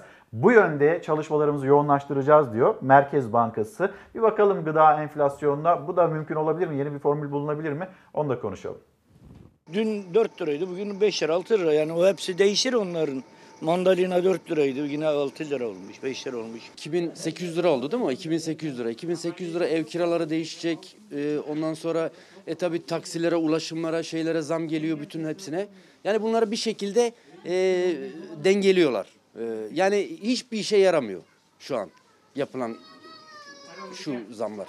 Asgari ücrete gelen zamları gıdaya gelen zamlar yetti eritmeye. Merkez Bankası gıda enflasyonundaki yükselişte işlenmemiş gıda grubunun yani sebze meyvenin ve tahılın payına vurgu yaptı. Bu kalemlerin enflasyonu arttırdığının altını çizdi ve gıda fiyatları yakın takibe alındı. Sebze, meyve ve tahıl enflasyonu Kasım ayında 8,24 puan yükselişle %27,02'ye ulaştı. Yani sebze meyve çoktan asgari ücret zammını eritti bile. Asgari ücrete zam yapıldı evet ama kaşıkla verildi kepçeyle tekrardan geri alınıyor yani. Hani zam değil de daha çok verdiklerini tekrardan geri almaya dönüyor bu. Tüketicinin gıda fiyatları karşısındaki mücadelesi artarak devam ediyor.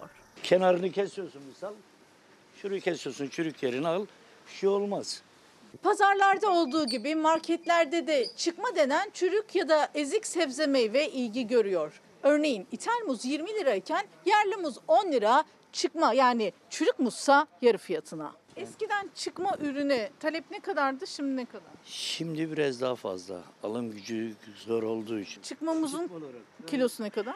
Yani 4 lira 5 lira arası satıyoruz onları. Daha da düşük de satabiliyoruz. Çok olgunsa. Narlar 2 lira 1,5 lira. Satıcısı çürük değil olgunlaşmış diyor. Bazı marketlerde olgun meyve tezgahı adıyla ayrı satılıyor çıkma meyve sebze. Merkez Bankası Para Politikası Kurulu'nun da gündemi işlenmemiş gıda yani sebze meyve ve tahıl fiyatlarındaki artıştı. İşlenmemiş gıda fiyatını yükselten döviz kuru. Çünkü hepsi dövize bağlı gübre, ilaç ve elektrikle üretiliyor. Az yiyoruz. Çok pahalı şeyler yememeye çalışıyoruz. Çoluk çocuğumuzdan e, şey yapıyoruz. Yani asgari ücretli dolarla maaş almıyor ama aldığı sebze meyvenin fiyatı dolara bağlı. Aldığı 500 lira zamsa dövize bağlı üretim maliyetlerini karşılamadı. Yani alamadan maaş zammı eridi. Şimdi bu gıda enflasyonuyla mücadele edebilmek için yapmamız gereken şey aslında üretmek, daha fazla üretmek. Ama çiftçi üretebiliyor mu, üretmiyor mu? Yine bunu da konuşalım istiyoruz sizlerle. Ve yine Ali Ekber Yıldırım'dan bir alıntı yapalım. Tarım yazarı Ali Ekber abiden. O da diyor ki bir ülkede bir ülkenin köylüsü ve onun köyünde pazar kuruluyorsa yani üretenler tüketen rolüne bürünüyorsa o ülkede tarım anlamında ciddi problemler vardır. Bunun hatırlatmasını yapalım. Şimdi daha Bak fazla hiç üretmemiz gerekiyor. Abi. Bizim köyde de son zamanlarda kurulmaya başlandı. Çok etkili bir tespit değil mi bu? Çok çok. Şimdi başka bir tespitini daha söyleyeyim mi abi? Çiftçi yüksek girdilerle üretim yapıyor. İşte pek çok işte mazottur vesairedir, yemdir zaten ithal ederek yapıyor. Ama malını ucuza satıyor. Tüketici ucuz, ucuz yiyebiliyor mu? E ucuz yiyemiyor. Şimdi aracılar fiyatı katlıyor. Fiyatlar yükselince ucuzlasın diye biz ne yapıyoruz? İthalat kartını çekiyoruz. İthalat Evet. kartını çektiğimizde kendi çiftçimizi desteklemiyoruz. Başka ülkenin çiftçisini destekliyoruz. Bir de traktörlerini borçlarından dolayı ellerinden alıyoruz. Tarım kredide yani bir yandan da hacizle boğuşuyor, borçla boğuşuyor. Amasya'da mı, Çarım, Çorum'da mı bir yerde 19 traktörü E, haciz- Düzce'den geldi, Amasya'dan geldi, memleketin çeşitli yerlerinden geliyor Deniz abi. Üretelim diyoruz. Üretmenin en önünde e, ciddi problem set olarak da ithalatı görüyoruz. Tabii. Nasıl Doğru. olacak bu mücadele? Bu, bu mücadele zor. Yani köylüyü bitirdiğin zaman e, sürdürülebilir kalkınmayı da bitiriyorsun. Karnını doyuramıyorsun çünkü. Yani insanlar eğer kendi yaşadıkları topraklarda hayatlarını devam ettirebilecekleri bir durum yaşayamıyorlarsa kentlerde gidip işçi olmak istiyorlar. Benim biliyor musun bak bu bunu hiç unutmam rahmetli dedem bana bir gün dedi ki bunların dedi en akıllısı sendin keşke seni okutmasaydım. Bunlar dediği kim? Kardeşlerim işte, amcalarım, Eyvah. kuzenleri falan. Hayır ben şuna şok oldum. Yani hem en akıllı Kardeşlere de cevap hakkı doğdu da bu arada. hem, hem en akıllısın diyorsun de, dedim dedi hem de okutmasaydım. De, nasıl oluyor dedim. Yani hem en akıllısın diyorsun hem okutmasaydın. Ee, burada kalırdın dedi. Bu tarlaları da eker biçerdin, hayvancılık yapardın. Yani o düşün o, o insanlar hayata böyle bakıyordu. Yani en akıllısı köyde kalır, üretir, sürdürülebilir bir tarım e, ortamı yaratır. Maalesef köylümüz de artık Evet. köyünde kalmıyor. Köy, köylü de Nasıl gidip üretecek ki Bırakıyorsun zaten? Hani o maliyetini toprakları, hesaplayan üretimi köylüden vesaire. Köyde kalmasını nasıl isteyeceksin? Gidiyorsun fabrikada şeyde Merter'de e, işçi olarak asgari ücretle çalışıyorsun. Yani bu- böyle bir düzen kurdular maalesef. Ya şöyle bir şey var. Ben şimdi bunu bizim polemik haberdeki polemikhaber.com'daki arkadaşlar yapmıştı. enflasyon meselesinde çok etkili bir yöntem bu. E, aynı listeyle bunu son zamanlarda meslektaşlarımız yapmaya başladı. Hoşuma gidiyor. Siyasetçiler de yapıyor. Ümit Dikbayır yapıyor. Eşiyle beraber Evet. her hafta gidiyor her ay aynı alışveriş Bu, yapıyor. bu şey 26 e, Aralık 2019 listesiyle 26 Aralık 2020 listesi. 200 liralık bir alışveriş yapılmış 20, 26 Aralık 2020'de. 19'da. Şey 19'da 2020'de aynı alışveriş yapılmış. Fark ne kadar biliyor musun? 200 liralık alışveriş. TÜİK'e göre mi e, yapılan Hayır, araştırmaya bu, göre mi söyleyeyim? bu aynı aynı marketten %14 aynı, değil. Aynı listeyle yapılmış alışveriş. Yüzde 43. 80 86 lira şey var. Daha fazla bir Daha fazla. alışveriş Mesela var. mercimeğin fiyatı yüzde yüzden fazla artmış. Düşünebiliyor musun? Mercimek yüzde yüzden fazla artmış. Yani onun için bu TÜİK'in enflasyon hesabı biraz bana şey geliyor. İşte tenis topu da koyuyorlar. İşte yani normal vatandaşın e, çok da kullanmadığı, çok da e, haşır neşir olmadığı ürünler var orada. Onlar da tabii az kullanıldığı için fiyatları da çok hızlı yükselmiyor. Peki abi bu sene de böyle mi geçecek? Öyle görünüyor. Yani yapılan tartışmalara baksana siyasetçilerin umurunda değil. Siyasetçiler hala türbanı tartışıyor. Ee, yani bir cumhurbaşkanı çıkıyor kendi partisinden olmayan türbanlara vitrin mankeni diyor.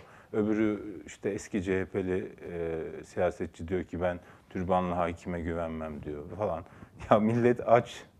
Ya gerçekten yani bana gelen mesajları okudukça o kadar kötü oluyorum ki yani hele şu anda bu özellikle bu mesela müzisyenler ya. Evet.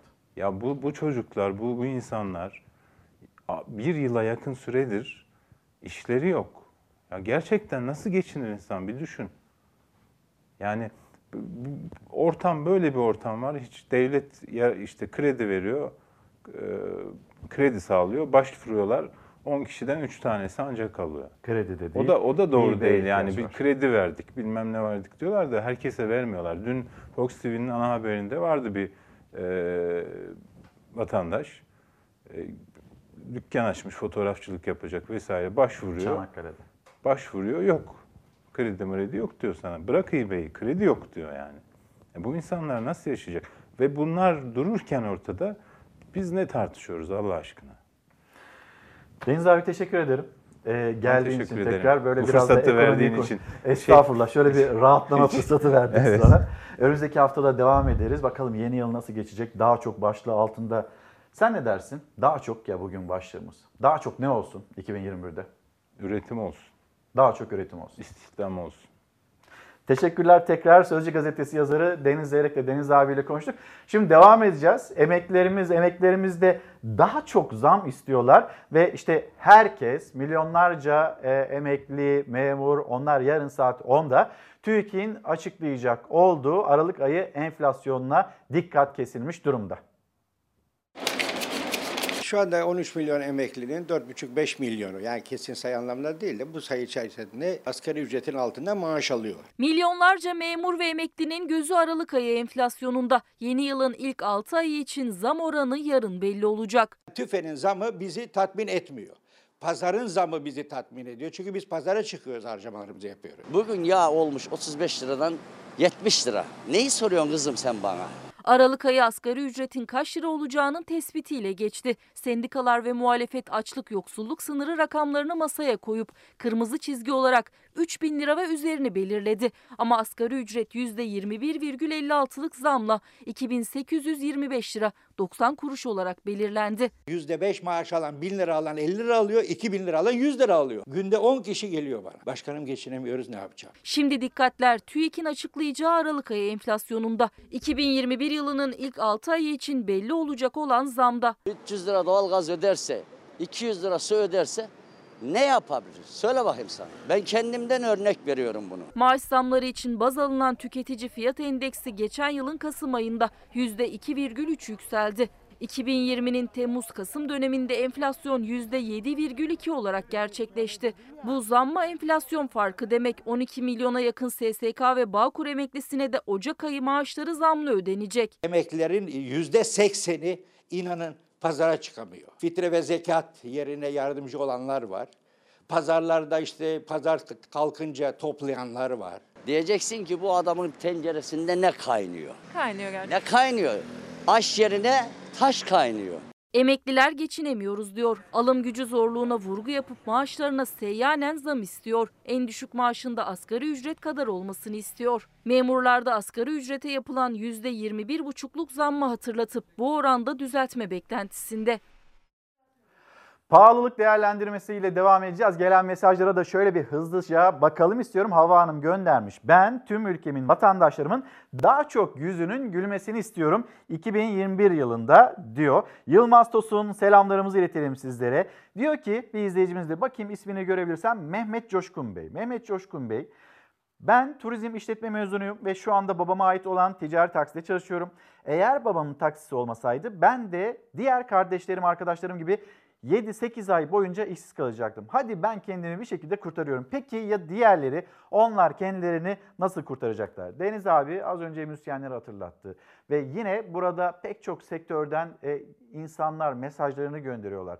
Ve kendilerine destek olunmasını istiyorlar. Amatör futbolcuları hatırlıyoruz diğer tarafıyla. İşte turizm sektöründe, inşaat sektöründe pek çok kesimde ya da esnafımız onlar yaşadığı problemleri hatırlatıyor. Hizmetler sektöründe al götür sistemiyle hizmetler sektörünün ayakta durabilme imkanı yok. 1000 liralık hibeler, 750 liralık kira destekleri kıymetli ama yeterli değil diyor esnafımız. Şimdi daha çok başlığı altında konuşurken usta bir oyuncuya Metin Akpınar'a da bir kulak verelim. Kendisinin talebi ve çağrısı daha çok demokrasi. Demokrasi aşısı da lazım Cumhuriyet Gazetesi'nde. Usta oyuncu Metin Akpınar'ın pandemi koşullarına karşın sürüklendiği adliyedeki fotoğrafı herkesi üzdü. Akpınar ilk kez Cumhuriyet Pazar'ın sorularını yanıtladı. Türkiye'de çoklu bölünme yaşandığını anlatan Akpınar 160 milyon doz ömür boyu etkili demokrasi aşısını bulmak lazım. Başka çaresi yok. Yaptığı değerlendirme usta sanatçının bu şekilde. Cumhuriyet Gazetesi'nin manşeti üniversitelerde bilim, özellik, seçim gitti, yandaş kriteri geldi. Boğaz içine AKP'li rektör az önce konuştuğumuz konulardan bir tanesiydi. Kendisi belediye başkanı aday adaylığı ya da işte ne bileyim milletvekili aday adaylığı AK Parti'den ve sonrasında Boğaz içine rektör olarak atanması öğrenciler tarafından da, üniversite camiası tarafından da eleştirilere neden oldu. Ses getirecek buluş Bilkent Üniversitesi imzalı test cihazı aşıyla birlikte salgını bitirmeye aday. Rektör Profesör Atalar'a sorular yönelttiğim 10 saniyede %99 virüsü tanıyan Diagnovir adlı cihazın öyküsünü dinlemek istedim. Bunu söyleyen, bu haberi yapan, yazan e, isim de Orhan Bursalı. Kendisine de günaydınlar diyelim. Atalar İç ve dış patentliği başvurusu yapıldı ama yine de yabancılar fikri çalmasın diye detay söylemiyoruz dedi. Datalara göre sistem 2 ay içinde kullanıma son olacak. Her yerde, her alanda virüs taşıyan tespit edilecek. Heyecan verici öykü Nisan'da Bilkent Teknopark'ta kurulu EA Teknoloji'nin kit geliştirme fikriyle başlamış. Şimdi e, bir tarafta bunu tar- tartışması devam ediyor. Kitleri acaba ne kadar güvenebiliriz, ne kadar güvenilir bunlar diye. İzmir'de bir test yaptıran vatandaş 6 test yaptırıyor. 4'ü negatif, ikisi pozitif.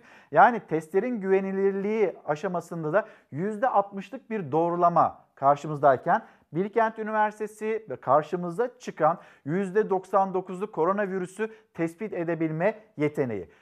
Bu önemli haberden sonra da gelelim hani yarın enflasyon rakamları öğreneceğiz ama bir İstanbul, İstanbul'daki enflasyon nasıl hesaplandı? Durum ne sizin? Mutfak kötü. İstanbul'da Aralık ayında fiyatı en çok artan taze fasulye oldu. Fiyatı %36,49 arttı. Onu %26,88 ile kabak izledi. Her şey çok pahalı. Çok pahalı. Bizim enflasyona bakarsak yüzde kırkın üzerinde. Bu yeşilliklerin fiyatı her hafta artıyor. İstanbul Ticaret Odası Aralık 2020 döneminde İstanbul'da perakende fiyatı en fazla artan ve azalan harcama kalemlerini açıkladı. Buna göre İstanbul Ticaret Odası'nın İstanbul Üreticiler Geçinme İndeksinde yer alan 242 ürünün 106'sının perakende fiyatı artarken 22 ürünün fiyatı düştü. 114 ürünün fiyatındaysa değişiklik olmadı. Geçen ay aldığınız bir şeyi bu ay aynı şekilde almaya kalkın. Kesinlikle arada %20 fark var. En çok fiyatı artanlar listesinin başında fasulye ve kabaktan sonra yeşil soğan var. Ev eşyası harcaması ancak %20,90 artışla dördüncü sıraya yerleşti. O da elektrik süpürgesi. Ocaktan bu yana nerede baksanız %70. Fiyatlar ortada. Geçen ay gıda harcamaları yaş, kuru sebze ve meyveler alt grubunda yer alan portakal %17,48 gerileme göstererek fiyatı en fazla azalan ürün oldu.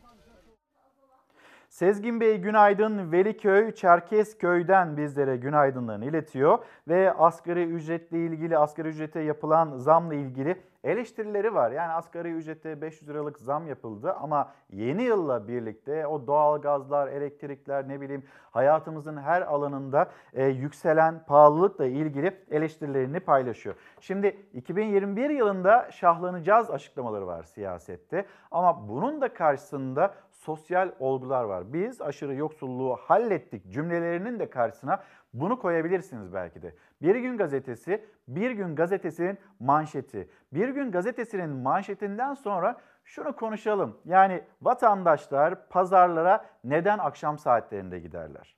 Ve eğer bir şahlanış dönemi içinde ise ekonomi, vatandaşlar acaba niçin kırık yumurta ya da kırık peynir alma çabası içinde olurlar? Dolap bomboş, fişini çekiyoruz. Zamlar peş peşe yağarken memleketten yoksulluk manzaraları. Bir yanda ballı atamalar, zam furyası talan, diğer yanda yürek sızlatan yoksulluk. Pil çifti boş dolabın fişini çekiyor. İstanbul'un göbeğinde ülkenin en zengin ilçelerinden Şişli'de yoksulların sıkışıp kaldığı bir mahalle Kuştepe. Onlarca metre yüksekliğe uzanan gökdelenlerin arasında kaybolup gidiyor. Şerif ve Nuran Pil çiftinin evlerine konuk oluyoruz. Şerif Bey 60 yaşında yelek ve gözlük satarak para kazanmaya çalışıyor. 56 yaşında Nuran Hanım kronik hastalıklarından, rahatsızlıklarından dolayı çalışamıyor. Eve giren tek düzenli gelir 565 liralık engelli maaşı, tavuk, peynir artık lüks diyen bir aile. Pil ailesi dolabında fişini çekiyoruz. Ne yapalım en azından elektrik faturası gelmesin diyen ve bunun hesabını yapan bir aile. Ve gidelim çarşı pazara durum nasıl? Pandemiden dolayı bayağı bir yumurta artışları bayağı bir yüksek. Kırık yumurta tercih ediyorlar. Fiyatların yükselmesinden dolayı satışlarımız düşüşe geçti. Bunun sebebi de insanların alım gücünün az olması. 8 lirayken insanlar 2 tane alırken 12 liradan 2 tane alamıyor şu anda bir tane alıyor. Yumurtanın kırığını alan da var, alımı yarıya düşüren de. Salgın döneminde evde yumurtalı tariflerin yapımındaki artış yumurtaya talebi arttırdı. Kasım ayında 2019 Kasım'a göre %76 arttı fiyatı. Olan yine ihtiyacı kadar almaya çalışan dar gelirliye oldu. Sadece yumurtanın kırığına değil, peynirin parçalanmışına, ekmeğin yarımına yönelenler arttı. Şunlar evet. Yarım ekmek O ne kadar? 1 TL. 1 TL. Yarım ekmek 1 TL. Pazarda yumurtanın kırığına, peynirin parçalısına yönelmişti tüketici. Fırında da başka bir çözüm üretildi. Yarım ekmek tanesi 1 lira.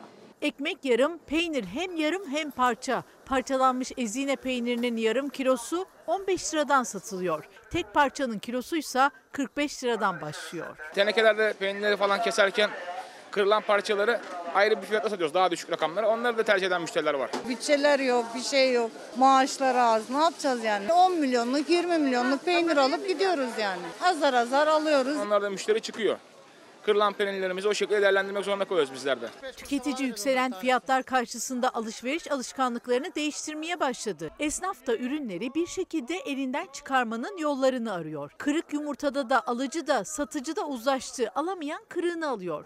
Adana Perakendeciler, Kasaplar, Tavuk ve Balık Eti Satıcıları Odası yumurtaya talep artınca fiyatları aracıların yükselttiğini öne sürdü. Bugün geliyorsunuz 3 liraya, sabah geliyorsunuz 5 lira. Şimdi bunlar aralarında bir WhatsApp grubu kurmuş.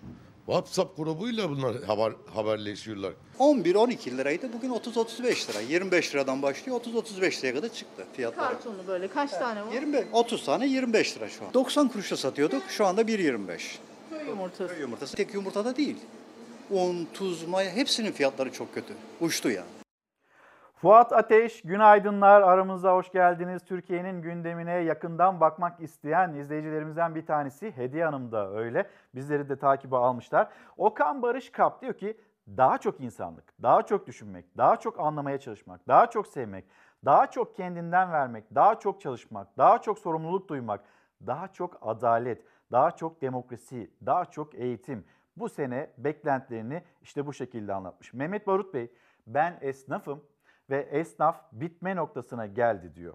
Güler Karataş daha çok vicdan diyorum yeni yıldan beklentim bu şekilde. Eyüp Bey, Eyüp Aydın'a selamlarımızı iletelim. Murat Metinoğlu, Lütfi Gökkaya yine aramıza dahil olan izleyicilerimiz. Burak Özarslan da Caddebostan'dan yazıyor İstanbul'dan ve hani müdavim olan izleyicilerimizden bir tanesi kendisi içine içine ağlamayacağımız umut dolu, mutluluk dolu bir yıl olsun 2021 daha çok başlığı altında bunu konuşuyor. Şimdi Türkiye Gazetesi, Türkiye Gazetesi'nin manşeti çok para birikti. Yabancılar yatırım yapacak ülke arıyor. Pandemi dünyadaki yatırımları vurdu. Türkiye elinde milyarlarca dolarla ortada kalan iş adamlarını çekmek için devreye girdi. Peki bu kadar para birikti. Biz bu iş dünyasını ya da bu paraları, milyarlarca doları ülkemize nasıl çekebiliriz? Yapısal reformlar deniliyor ya. Hani daha çok demokrasi, daha çok adalet. Bu vurgu olduktan sonra ekonomide, adalette, eğitimde nerede problem varsa hepsinin düzeleceğine dair yorumlar var, değerlendirmeler var. 2021 yılı bir reform yılı, adalet konusunda ekonomi yılında şahlanış yılı cümleleri ama bu cümlelerinin de bu cümlelerin de altının dolması gerekiyor. Madem çok para var, dünyada para var. Türkiye'ye gelebilmesi için bir gerekçesinin de olması gerekiyor. Dün birikmedi bu kadar para. Çok önceden beri zaten böyle bir para var ve Deva Partisi lideri Ali Babacan buna dikkat çekiyor. Dünyada para yok mu zannediyorsunuz? Yatırım yapacak insan yok mu zannediyorsunuz? Ama insanlar Türkiye'ye gelmiyor. Eleştirisi de zaten bu yöndeydi. Demokrati, demokrasi ile e, kuralların birbirine uymadığını düşündükleri için o yabancı yatırımcılar Türkiye'ye gelmiyor. Bu eleştirilerden sonra Türkiye'ye nasıl gelecek? İşte o reform yılında olmasını beklediğimiz senenin içindeyiz. Sosyal destekler için 50 milyar lira pandemide milyonlar nefes aldı. Türkiye gazetesinin manşeti. Bunu konuşalım. Milyonlar esnaf vesaire hani insanlar pandemide nefes aldılar mı yoksa daha da böyle zor günler mi geçirdi? Konuşalım.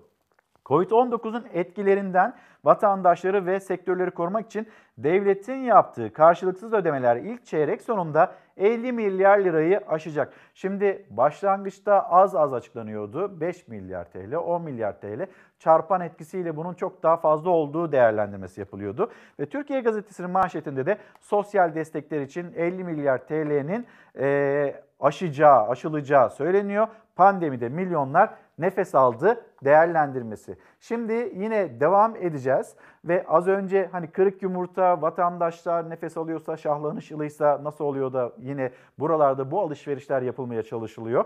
Bunun değerlendirmesi yapılırken bir zam haberi. Yine yumurtadan devam edelim. Yumurtanın koli fiyatı tavuğun kendisini geçti.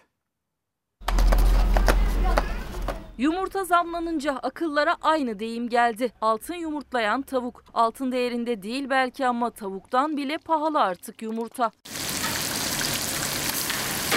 En temel besin kaynaklarından biri sofraların özellikle de kahvaltıların olmazsa olmazı. Ancak salgının etkisiyle üreticinin maliyeti arttı. Bu da yumurtanın fiyatını katladı. 6 ayda %100 zamlandı. Yumurta da ayrı bir borsa gibi bir şey herhalde ya. Yükseliyor düşüyor altın gibi. Tavuğun kilosu 10,5 lira civarında. Bütün tavuk ortalama 20 liraya geliyor. Bir koli yumurtaysa bütün tavuğu geçtiği gibi artık kıymayla bile yarışıyor.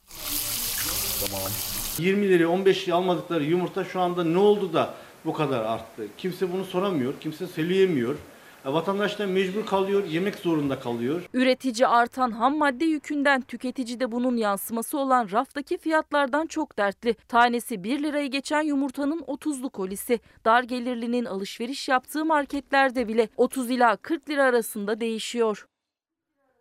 Böyle bir ekonomik atmosfer içinde acaba 2021 yılının e, ilk yarısından sonra ne bileyim Haziran ayında ya da Kasım ayında Aralık ayında yani 2021 yılının sonlarına doğru bir erken seçim gündeme gelir mi gelmez mi? Bu konuyla ilgili değerlendirmeler hep aynı noktaya çıkıyor. Eğer bir erken seçim olacaksa MHP lideri Devlet Bahçeli'nin bu yönde e, açıklaması çıkışından sonra olabilir. Ama baktığımızda Cumhur İttifakı'nda böyle bir erken seçim hazırlığı yok ve seçimlerin zamanında yapılacağına dair çağrılar da yükseliyor. Şimdi bakalım bir gazete pencereye Ahmet Davutoğlu, Gelecek Partisi lideri Ahmet Davutoğlu, Cumhurbaşkanı Erdoğan'ın 50 artı 1 şartı nedeniyle farklı arayışlara gireceğini söyledi.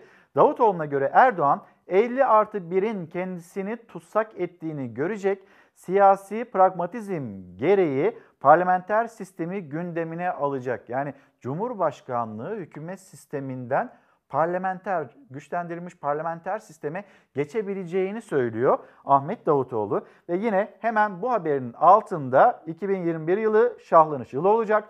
Cumhurbaşkanı Recep Tayyip Erdoğan başörtüsü tartışmalarına ilişkin birçok alanda bu habis zihniyetin yansımalarını görüyoruz dedi. Erdoğan inşallah 2021'i de bir reform yılı haline dönüştüreceğiz dedi. Bu yılın her alanda bir şahlanış yılı olacağını söyledi. Gazete Pencere'de yer alan habere göre. Şimdi yine AK Parti cephesinden bir yorum.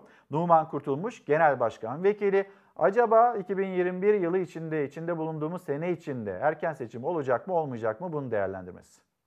Türkiye'de seçim 2023 yılında yapılacaktır. Cumhurbaşkanı seçimi ve milletvekili genel seçimi 2023'te. Yerel seçimlerde 2024 yılında yapılacaktır. Siyaseten bir e, alan oluşturmak istiyorlar. Erken seçim tartışmaları etrafından hükümet karşıtı bloğu kendilerince, bu, bunu ben kullanmıyorum, o tırnak, tırnak içinde söylüyorum. O bloğu bir şekilde sıklaştırmaya çalışıyorlar ve seçim erken seçimi öne alarak e, kendilerince yeni bir sistem teklifini gündeme getirebilecekleri bir zemin oluşturmaya çalışıyorlar. Şimdi Türkiye'de her zaman dünyanın her yerinde de böyledir. Erken seçim tartışmaları muhalefet tarafından gündeme getirilir. Bunda bir problem yok. Ama erken seçimin gündeme gelmesi için ve erken seçim konusunda yol alınabilmesi için rasyonel şartların e, ortada olması lazım. E, yani iktidar e, olan parti ya da partilerin e, onların istedikleri bir takım yasal değişiklikleri, düzenlemeleri yapabilmekten e, imkanından uzaklaşmış olmaları lazım. Parlamentodaki çoğunluklarının tehlikeye girmiş olması lazım gibi. Bütün bu rasyonel şartların hiçbirisi bugün e, söz konusu değildir. Erken seçim e, tartışmalarını yapmak bence bir vakit, vakit israfıdır. Daha çok atama isteyen arkadaşlarımız var. Ziraat mühendisleri kendilerini hatırlatıyor. Öğretmenlerimiz kendilerini hatırlatıyor. Yapılan ya da açıklanan atamalar yeterli değil. 60 bin öğretmen ataması için Milli Eğitim Bakanlığı'na seslenen izleyicilerimizin sesi olalım. Ve Ahmet Özdemir, acaba biliyor musunuz kafeler, restoranlar ne zaman açılacak?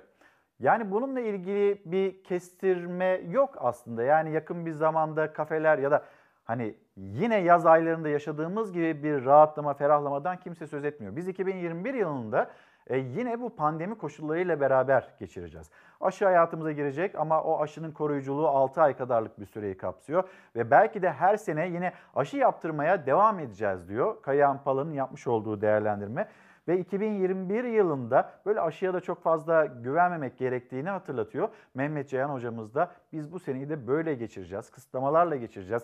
Kısıtlamaların göreceli olarak ya da rakamlara yansıdığı şekliyle faydalı olduğunun değerlendirmesi yapılıyor. Ama elbette hizmetler sektörü ve bu sektörde çalışan insanlar onlar da bir haklılıklarını iletiyorlar. Çünkü hani geçinemiyoruz. Bu yardımlarla da geçinebilmek mümkün değil açıklamaları var. Yani Ahmet Bey, Ahmet Özdemir Bilemiyoruz, tam da kestiremiyoruz. Restoranlar, kafeler ne zaman tam anlamıyla açılır?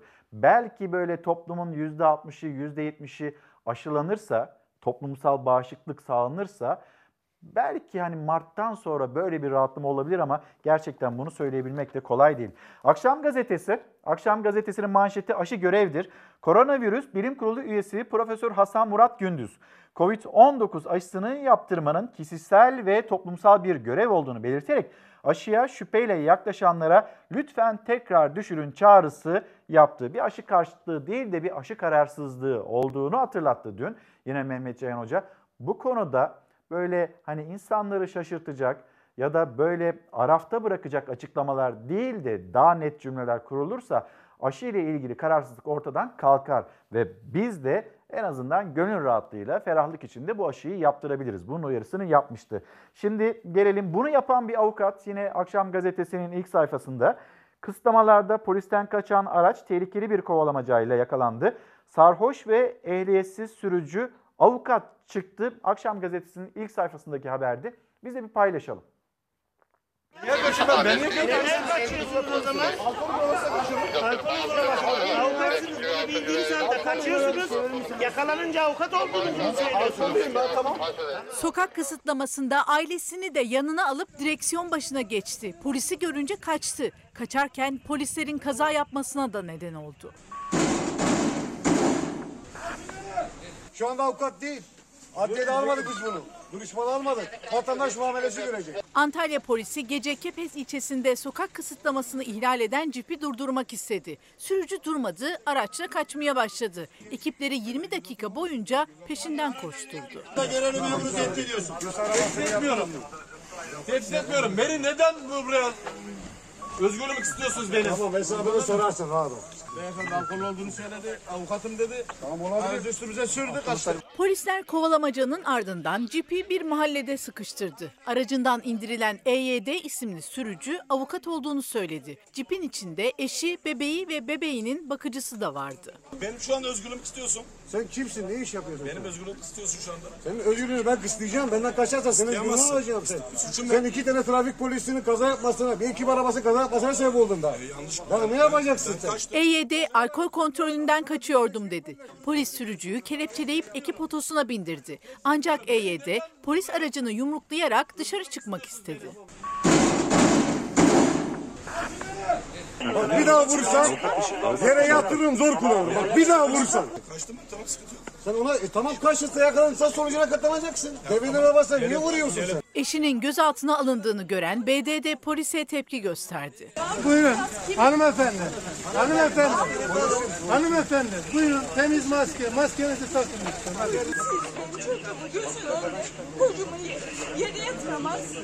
EYD'nin daha önce de birçok kez alkollü halde araç kullanırken yakalandığı ve 2026 yılına dek ehliyetine el konulduğu öğrenildi. Sürücüye sokak kısıtlamasını ihlal de dahil olmak üzere çok sayıda suçtan işlem yapıldı. 19.680 lira ceza kesildi. Hangi savcı arama kaydı aldı? basın mensubuyuz hanımefendi. Alkollü değilim çünkü o saatlerde ben alkol kullanmam, etmem. Alkollü olsam bile bunun e, yaptırım idari yaptırımdır. EYD alkol aldığım için kaçıyordum demişti ama yapılan kontrolde alkollü olmadığı ortaya çıktı. Avukat olayın ardından yaptığı açıklamada da alkollü değildim dedi. Ters kelepçe yapılarak gözaltına alındığını ve dövüldüğünü iddia etti. EYD polisler hakkında şikayetçi olacağını söyledi. Çok ciddi anlamda şiddet gördüm. Raporlarım da bellidir. Akşam gazetesinden bir haber daha paylaşalım. Biz yeni yıla girerken çok üzüldüğümüz e, haberlerden, görüntülerden bir tanesi oldu maalesef. Ve e, fotoğrafımı paylaşana dava açmayın. Bunu söyleyen kişi Galatasaraylı futbolcu Omar. Yılbaşı gecesinde çocuklarını neşelendirmek, eğlendirmek için işte elinde havai fişek ve yaşanılan bir havai fişek kazası. E, gözleriyle ilgili yaşanılan olumsuzluklar vardı. Doktorlardan da güzel haberler geldi. Daha iyi olmasını istiyoruz. Şimdi yılbaşı kutlamasında havai fişeğin elinde patlamasıyla yaralanan Galatasaraylı Omar insanlık dersi verdi. Yaralı fotoğrafını sosyal medyada paylaşan site görevlisi hakkında e, kulüp yönetiminin hukuki işlem başlatacağını öğrenen futbolcu buna karşı çıktı.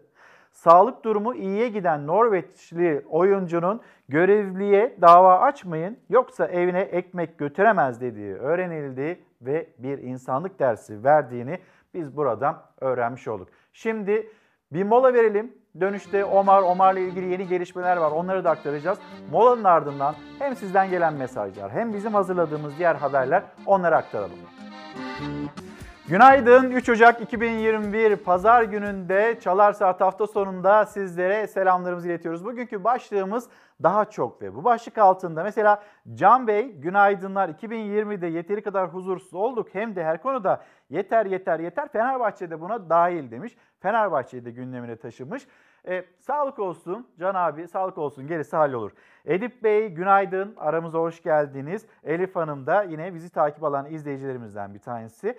Ve Meltem Savaş Hanım göndermiş bıkmadan usanmadan her gün daha çok zamanla yarışan SMA'lı bebeklerimiz hayatlarını kaybetmesinler diye SMA tedavisini SGK karşılasın diyeceğim. Ben bu yılda bunu söylemeye devam edeceğim diyor. E biz de SMA'lı çocuklarımız onların yaşadığı problemleri ekranda tutmaya ve onların gen tedavisine ihtiyaçları var ve SGK'nın bu ülkenin, devletin devreye girmesi gerekliliğini hatırlatmayı sürdüreceğiz ve zamanla yarışan çocuklarımız var, aileleri var ve bunu unutmayacağız. Bununla ilgili bir haberimiz de var. Meltem Hanım hazırlığımız var ve bu haberi de yine yetkililer onların seslerini duyabilsinler diye aktarmak istiyoruz. Şimdi biraz böyle yeni günde içinizi ferahlatacak bir haberle isterseniz devam etsin Çalar Saat hafta sonu.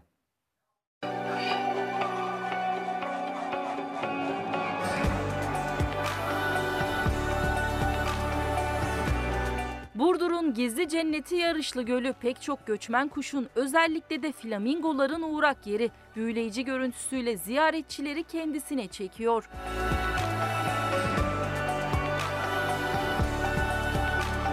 Burdur Valisi Ali Arslantaş salgın nedeniyle sessizleşen ve daha da güzelleşen Yarışlı Gölü'nün görüntülerini paylaştı. Şimdilik flamingoların dansını uzaktan izleyerek avunmak durumundayız. Covid-19 sürecinden sonra göçmen kuşların ziyaretini yakından yaşamaya var mısınız diye sordu.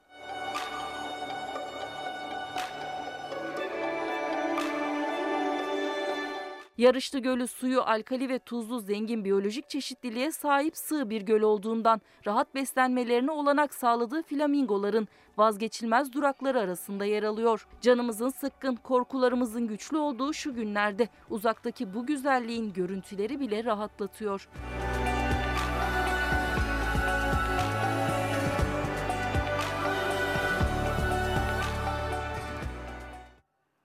İzmir Büyükşehir Belediyesi'ne seslenişler var. Murat Anlı daha çok başlığı altında daha çok kadın istihdamı derken ve bir yandan da şunu hatırlatıyor Büşra Sevinç İzmir Büyükşehir Belediyesi'ne meslek fabrikası emekçileri daimi iş istiyor. Yarınlarına kaygısız biz varız daha çok buradayız diyor. Taşeron düzenine son ve lütfen diye Tunç Soyer'e sesleniyorlar İzmir Büyükşehir Belediye Başkanı'na.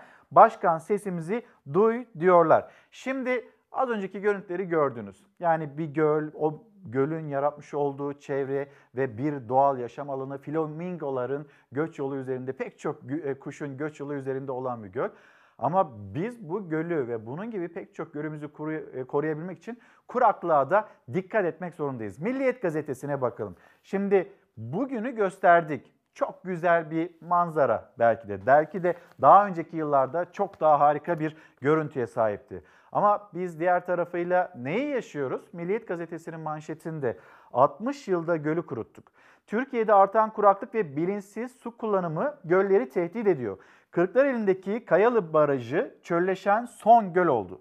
Bilinçsiz tarımsal sulama, kaçak sondajlar, maden ocakları ve kaynak derelerine su akışını engelleyen göletlerin yapılması nedeniyle birçok göl kuruma tehlikesi altında. Son olarak bölgenin en büyük barajı olan Kırklareli'ndeki Kayalı Barajı çöl oldu. Uzmanlar göllerimizi yaşatamazsak tarımı da canlıları da yaşatamayız.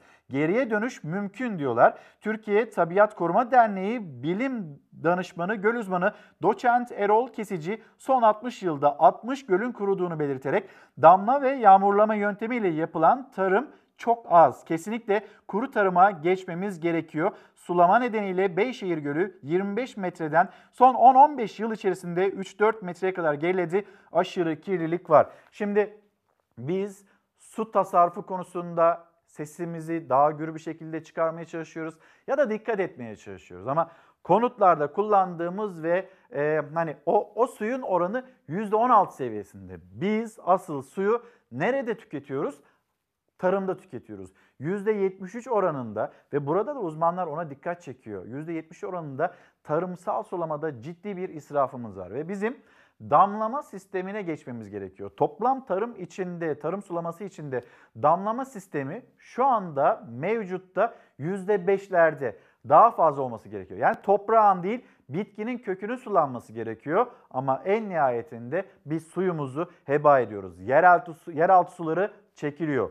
60 yılda 60 gölün kuruduğu bilgisi. Geri döndürebiliriz. Bunu başarabiliriz ama yine dikkatli olursak özellikle tarımda dikkatli olursak. Şimdi Çalar Saat'te önümüzdeki günlerde, aylarda en çok konuşacağımız konu bu olacak. Pandemiyle birlikte, ekonomiyle birlikte biz kuraklığı yaşayacağız ve bunu konuşacağız demiştik.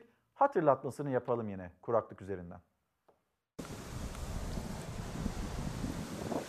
Yani bu giden sadece göl değil, bu giden sadece su değil. Yani bu giden çocuk çoluğumuzun çocuğumuzun geleceği gidiyor. Soğuması, ağır kış şartlarının yaşanması beklenirken hava ısınıyor. Barajlardan, göllerden ardı ardına suların azaldığı, çekildiği haberleri geliyor. Kuraklık tehlikesi kapıda. İstanbul'daki barajların doluluk oranları son 10 yılın en düşük seviyesi olan %20'ye geriledi. Yağışlar beklenenden geç geldi. Toprak yeni yeni ıslanmaya başlamışken sıcaklıklar yeniden mevsim normallerinin üstüne çıktı. Ve bunun bir sonucu var. Kuraklık. Göllerde, barajlarda su çekilmeye, bir zamanlar su altında kaybolan ne varsa gün yüzüne çıkmaya başladı. İstanbul'da barajların doluluk oranı Aralık ayının başında %26 civarındaydı. İSKİ barajlardaki son durumu paylaştı. Veriler ürkütücü. Bu kadar kısa sürede yaşanan düşüş tehlikenin durumunun ciddiyetini gözler önüne seriyor. Güncel doluluk oranı %20.93. Son 10 yılın en düşük seviyesi. Bu orana en yakını 28 Aralık 2019'da %34.02 olarak ölçülmüştü. Burası Bursa İznik Gölü. Kuraklığın baş gösterdiği göl motorcuların parkuru oldu. İznik Gölü'nün bu derece çekildiğini hiç görmedim. Görsel olarak berbat. Yakında sazlıklar da çıkar buralarda. Burası Çanakkale Ayvacık, Tuzla ve Gülpınar köyleri arasındaki Tuzla çayı. Suyu çekilen gölde balıklar telef oldu. Kastamonu'daki Çiğdem göletinde de su seviyesinin düşmesi nedeniyle göletteki balıklar telef olma tehlikesiyle karşı karşıya. Riski önlemek için gölete yakınındaki bir barajdan tankerlerle su taşınmaya başlandı. ölüm tehlikesi geçiriyorlardı. E, su seviyesinin yükselmesine bağlı oradaki e, mevcut e, balık floramızın tamamının e, canını kurtardık. Kuraklık, susuzluk sonuçlarından biri ise kıtlık. Çiftçi ya ekmedi ya da ekmekten vazgeçti ürününü. Tokatlı çiftçi de kuraklık endişesi içinde. Yağmur yağmadığı için tarlalarımızdaki tezekler yumuşamadı. Yumuşamadığı için de görüyorsunuz. Taş gibi. Toprak kuru, tarlalar sürülemiyor. Çiftçi daha zor günlerle karşı karşıya kalmaktan endişe ediyor. Verim kaybı çok olacak bu yüzden. Allah sonumuzu hayretsin. Ayşegül Hanım günaydınlar. Bu kötü günlere bir son için daha çok önlem alınsın, daha çok kurallara uyulsun diyor. Nabi abi günaydın. Diyor ki daha çok emekliye daha çok seyyanen zam haberlerini ilk Fox TV Çalar Saat'ten bekliyoruz. Dileğimiz o. İnşallah öyle olur ama yani bugünden yarına baktığımızda hani şahlanıyoruz cümleleri de bir kenara bıraktığımızda Emeklilerin istediği zam oranları hayatımıza girer mi? Emekliler böyle nefes alabilecek o zam oranlarına kavuşurlar mı? Seyyanen zam yapılır mı? Asgari ücret seviyesi 2825 lira seviyelerine en düşük emekli maaşı ulaştırılır mı? Bilemiyoruz. Keşke, keşke o öyle olsa ve biz de o haberi paylaşabilsek sizinle. Şimdi Galatasaraylı Omar çocuklarını neşelendirmek için işte elinde havai fişek yılbaşı gecesinde bir sürpriz yapmaya çalıştı. Sonrasında o kötü kaza meydana geldi. Herkes, bütün Türkiye Omar'ın sağlık durumu ile ilgili endişeye düştü. Ve Omar'ın sağlık durumu ile ilgili doktorlarından yeni ve insanların da böyle yüreğine su serpebilecek iyi, olumlu gelişmeler olduğu bilgisi geldi. Paylaşalım. Elimizden gelen her şeyi onun için ne yapabilirsek yapacağız. Bundan zaten herhangi bir kimsenin şüphesi yok. Kendisine de e, mücadele etmesini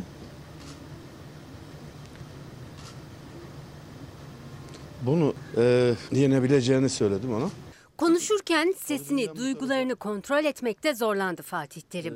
Galatasaray'ın başarılı futbolcusu Omar Elal Abdullahi yeni yılı hastanede karşıladı. Çocuklarını eğlendirmek isterken kaza geçirdi.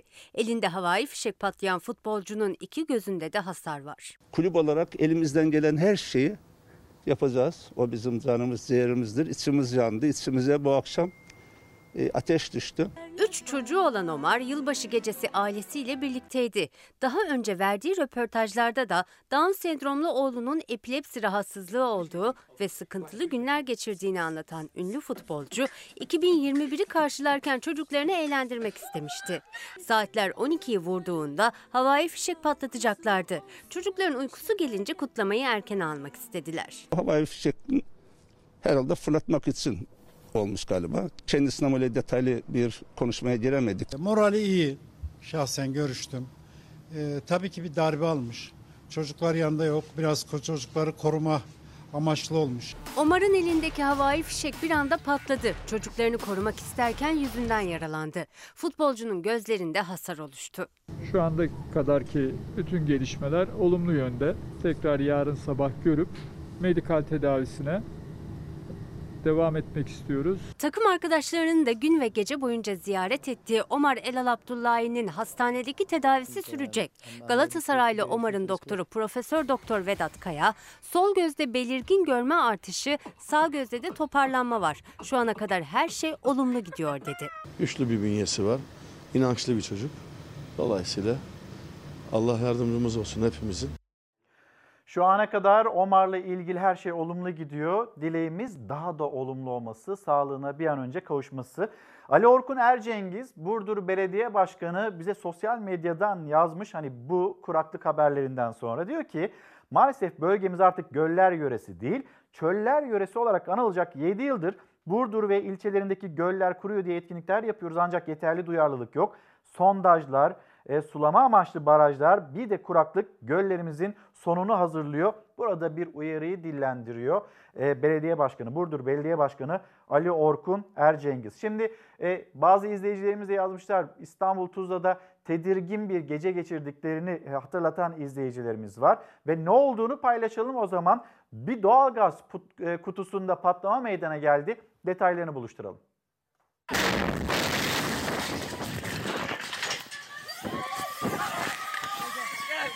Önce büyük bir patlama ardından çığlık sesleriyle bölündü karanlık. Doğalgaz kutusundaki patlama mahalleyi sokağa döktü.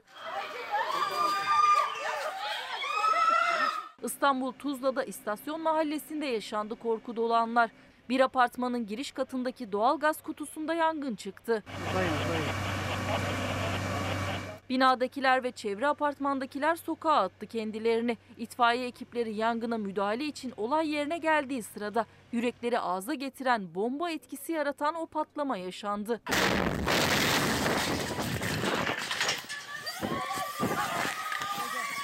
Patlama sırasında bir itfaiye eri ve iki kişi yaralandı.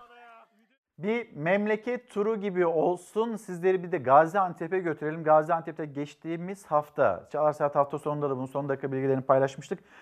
Covid yoğun bakım servisinde bir patlama meydana gelmişti. Hayatını kaybeden insanlar olmuştu. Hem bu patlama neden meydana geldi ve maalesef hayatını kaybedenlerin sayısında da bir artış var. Onunla bir.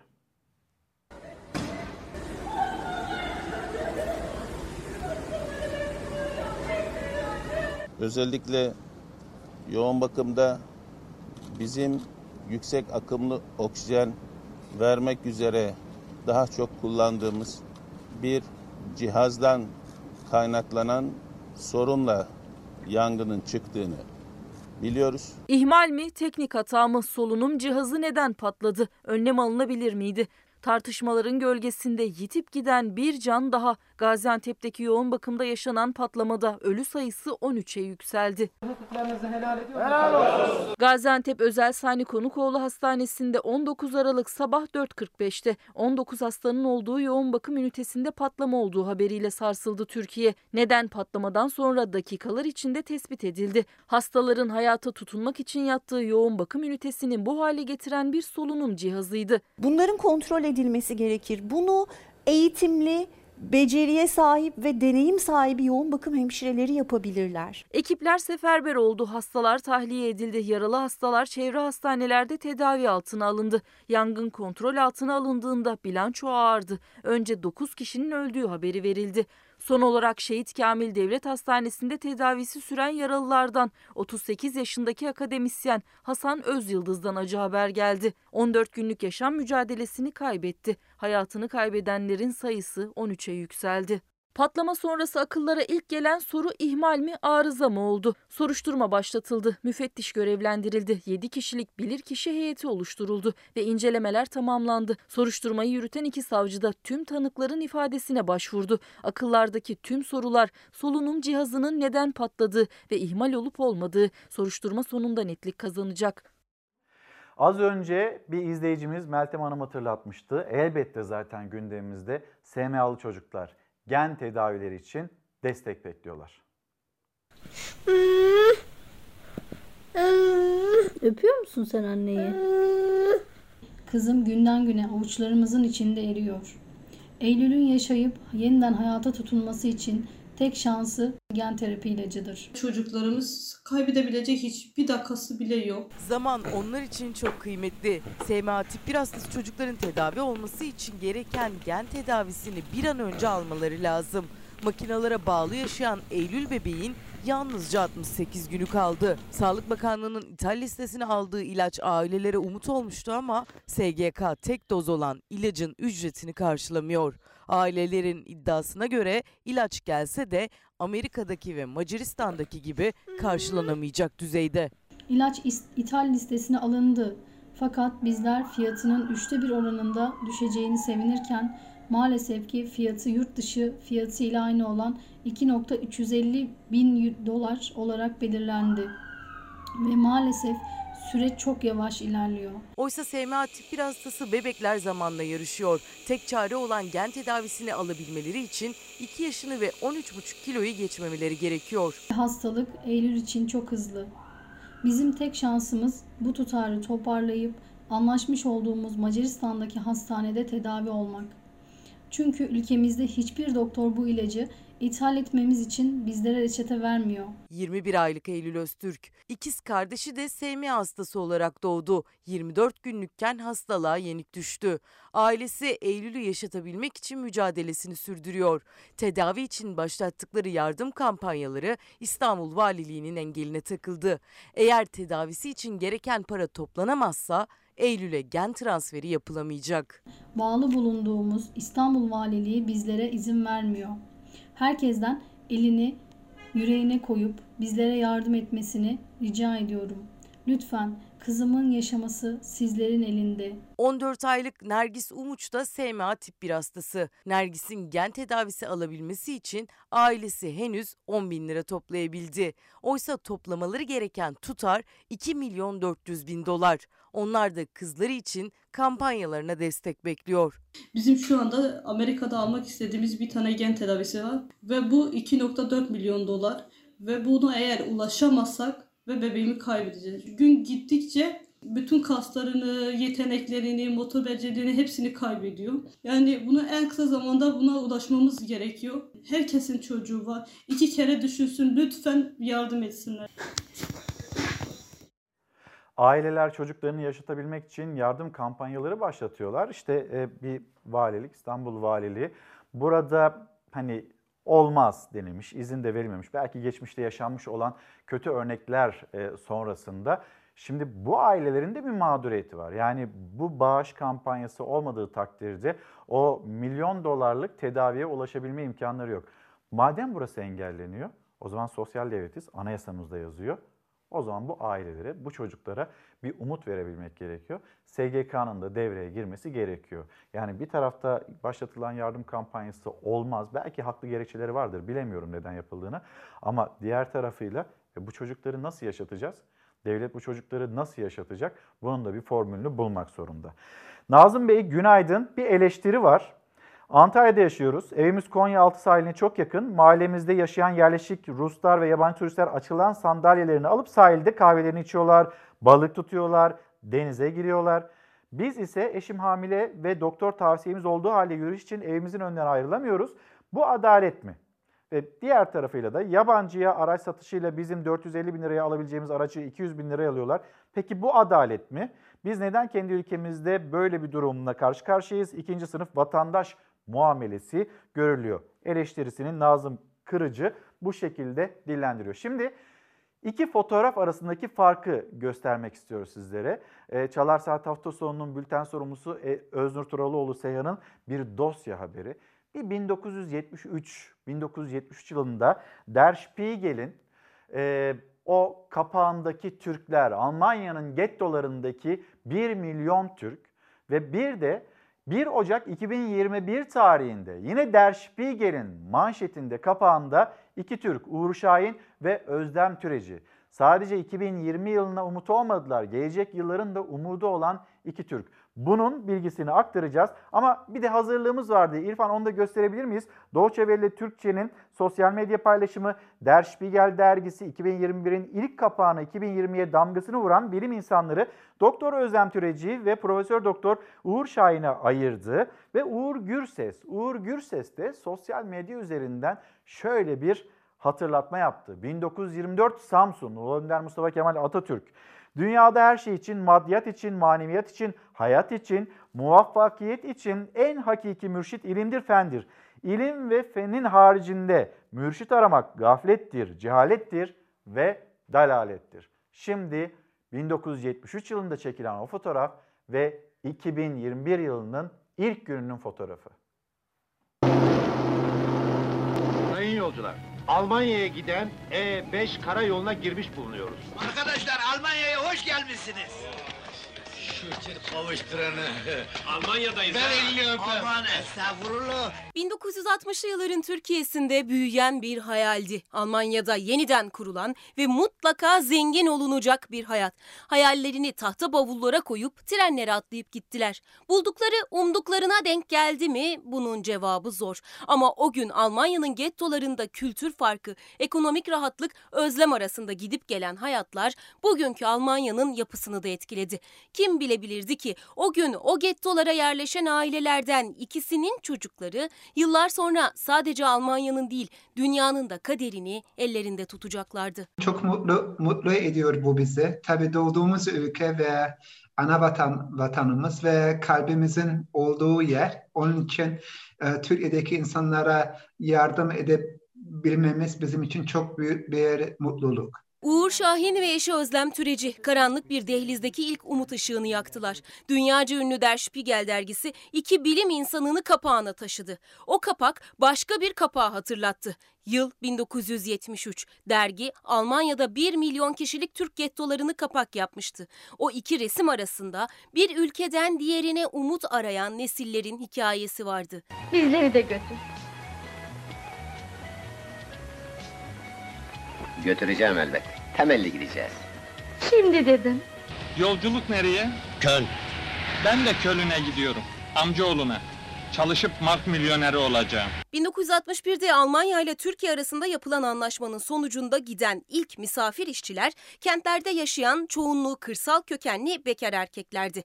Bu göç ucuz iş gücü başlarda iki ülkeyi memnun etmişti. Zamanla sayı arttı. Gidenler yanlarına ailelerini de aldı. Alman toplumunun yapısı değişmeye başlamıştı. Ama işçiler için de çok kolay değildi. Ne artık alıştıkları ülke vatan toprağıydı ne geride bıraktıkları memleket tam anlamıyla onlarındı. Bey selam. Hoş geldin bacı. Selam. Sana köyden haberlerim var. Ah, Al çocukların resimleri. çok özledim be. Ulan ne veletmiş ha.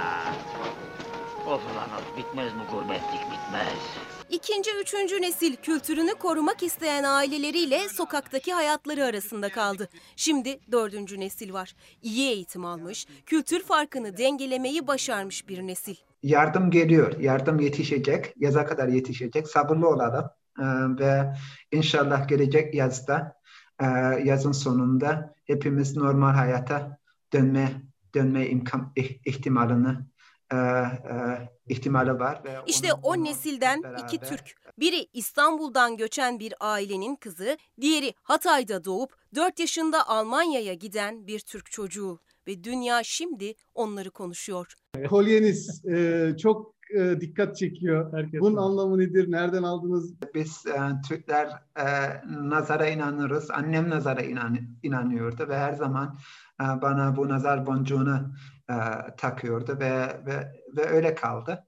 E, inşallah inşallah yar- yardım eder. Nazar değmesin. Öyle söyleyelim biz de. İşte yani nesilden nesile, kuşaktan kuşağa e, Almanya'nın dergilerinde Der Spiegel'de bizim arka sokaklarımızda gettolarımız olarak adlandırıyorlar onlar. Gettolarımızda yaşayan 1 milyon Türk, Türkler denilirken şimdi o Türkler belki hani en zor işlerde çalıştırılan Türkler şu anda e, bütün dünyanın umudu oldular. Almanya'nın, bütün dünyanın umudu oldular. Ve gelelim şimdi sıradaki haberimiz madem koronavirüsle ilgili bir giriş yaptık. E, Bilim Kurulu üyesi doçent doktor Ahşin Emre Kayıpmaz hani mutasyonlu virüsle ilgili kaygılarınız varsa ki daha hızlı yayıldığı söyleniyor. Bununla ilgili bilgiler paylaştı. Bu mutasyon virüsün kişiler arasındaki, hastalığın kişiler arasındaki bulaştırıcılığını arttırır yönde bir mutasyon. Hastalığın ağırlığı, şiddeti veya öldürücülüğüyle ilgili bir etkisinin olup olmadığı da bilinmiyor. Yalnızca şu anda elde olan önemli bir bilgi var bu rapor doğrultusunda. Bu nedir?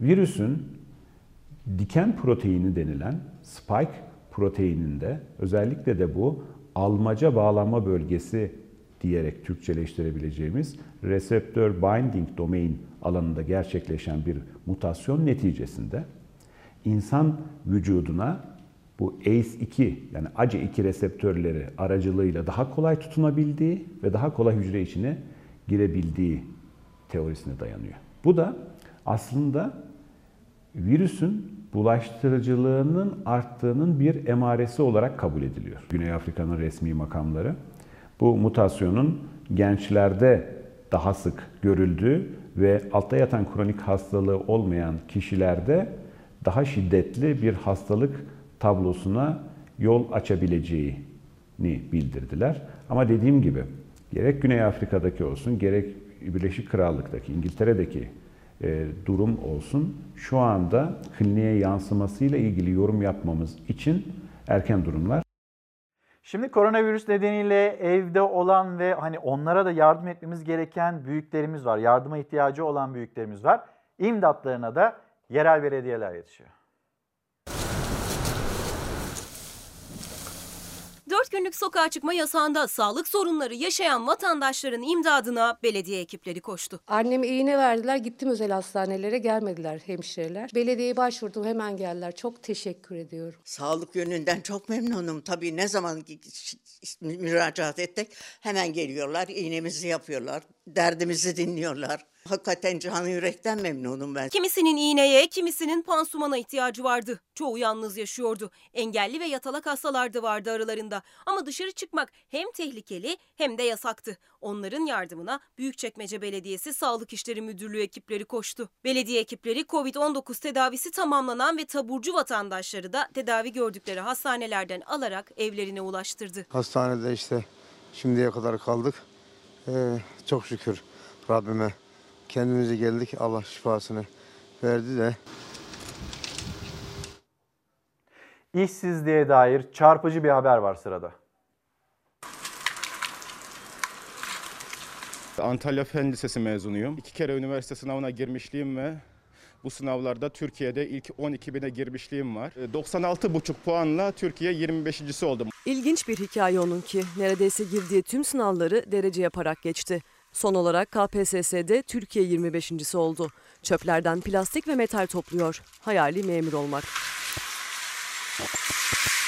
32 yaşındaki Hakan Efe bir buçuk yıldır Antalya'da çöpten plastik ve metal toplayarak ekmeğini kazanıyor. Çünkü iş bulamadı. Oysa Fen Lisesi'nden mezun. Birinde İstanbul Teknik Üniversitesi İnşaat Mühendisliğine, diğerinde İstanbul Üniversitesi Eczacılık Fakültesine. Maddi imkansızlık ve sağlık sorunları nedeniyle ikisini de tamamlayamadı. Ortaöğretim KPSS sınavında 98,5 puanla Türkiye 132.si oldu. Teknikteyken e, maddi imkansızlıklar beni çok zorladı. E, part time ve sonrasında full time çalışmak zorunda kalmam beni çok zorladı. Okuldan koptum. Memuriyet hakkı da kazandı ama istifa etti. Sonrası bir buçuk yıl süren bir işsizlik öyküsü. Şimdi çöplerden plastik ve metal topluyor. Yeni girdi KPSS'ye bu kez 96,5 puanla Türkiye 25.si. Maddi açıdan hayatımın daha rahat ve daha düzenli olabilmesi adına memuriyet istiyorum. Bir taraftan da açık öğretimde adalet okuyorum ben. Açık öğretimden adaleti bitirip dikey geçiş sınavı var. DGS ile hukuka geçmeyi istiyorum. Meryem Hanım günaydın. Ben de gurbetçiyim. Almanya doğma büyümeyim. Almanya iyidir ama çok çalıştırırlar. Bilime çok önem verirler diyor.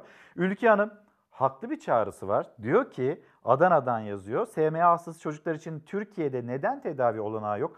O kadar büyük lüks hastanelerimiz var. Sağlık sistemimizde övünüyoruz. Bu çocuklarımıza neden kendi ülkemizde yardımcı olamıyoruz? İşte bu mesajı paylaşıyor. Yetkililere de bizler iletmiş olalım. Şimdi bir mola verelim, dönüşte buluşalım.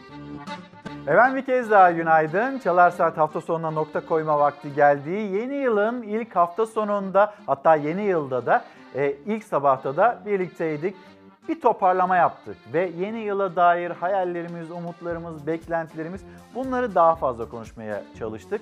Dönüp baktığımızda sağlık istiyoruz, huzur istiyoruz, mutluluk istiyoruz Ve koronavirüsten bir an önce kurtulmak istiyoruz. Bu maskeli balonun bir an önce bitmesini istiyoruz.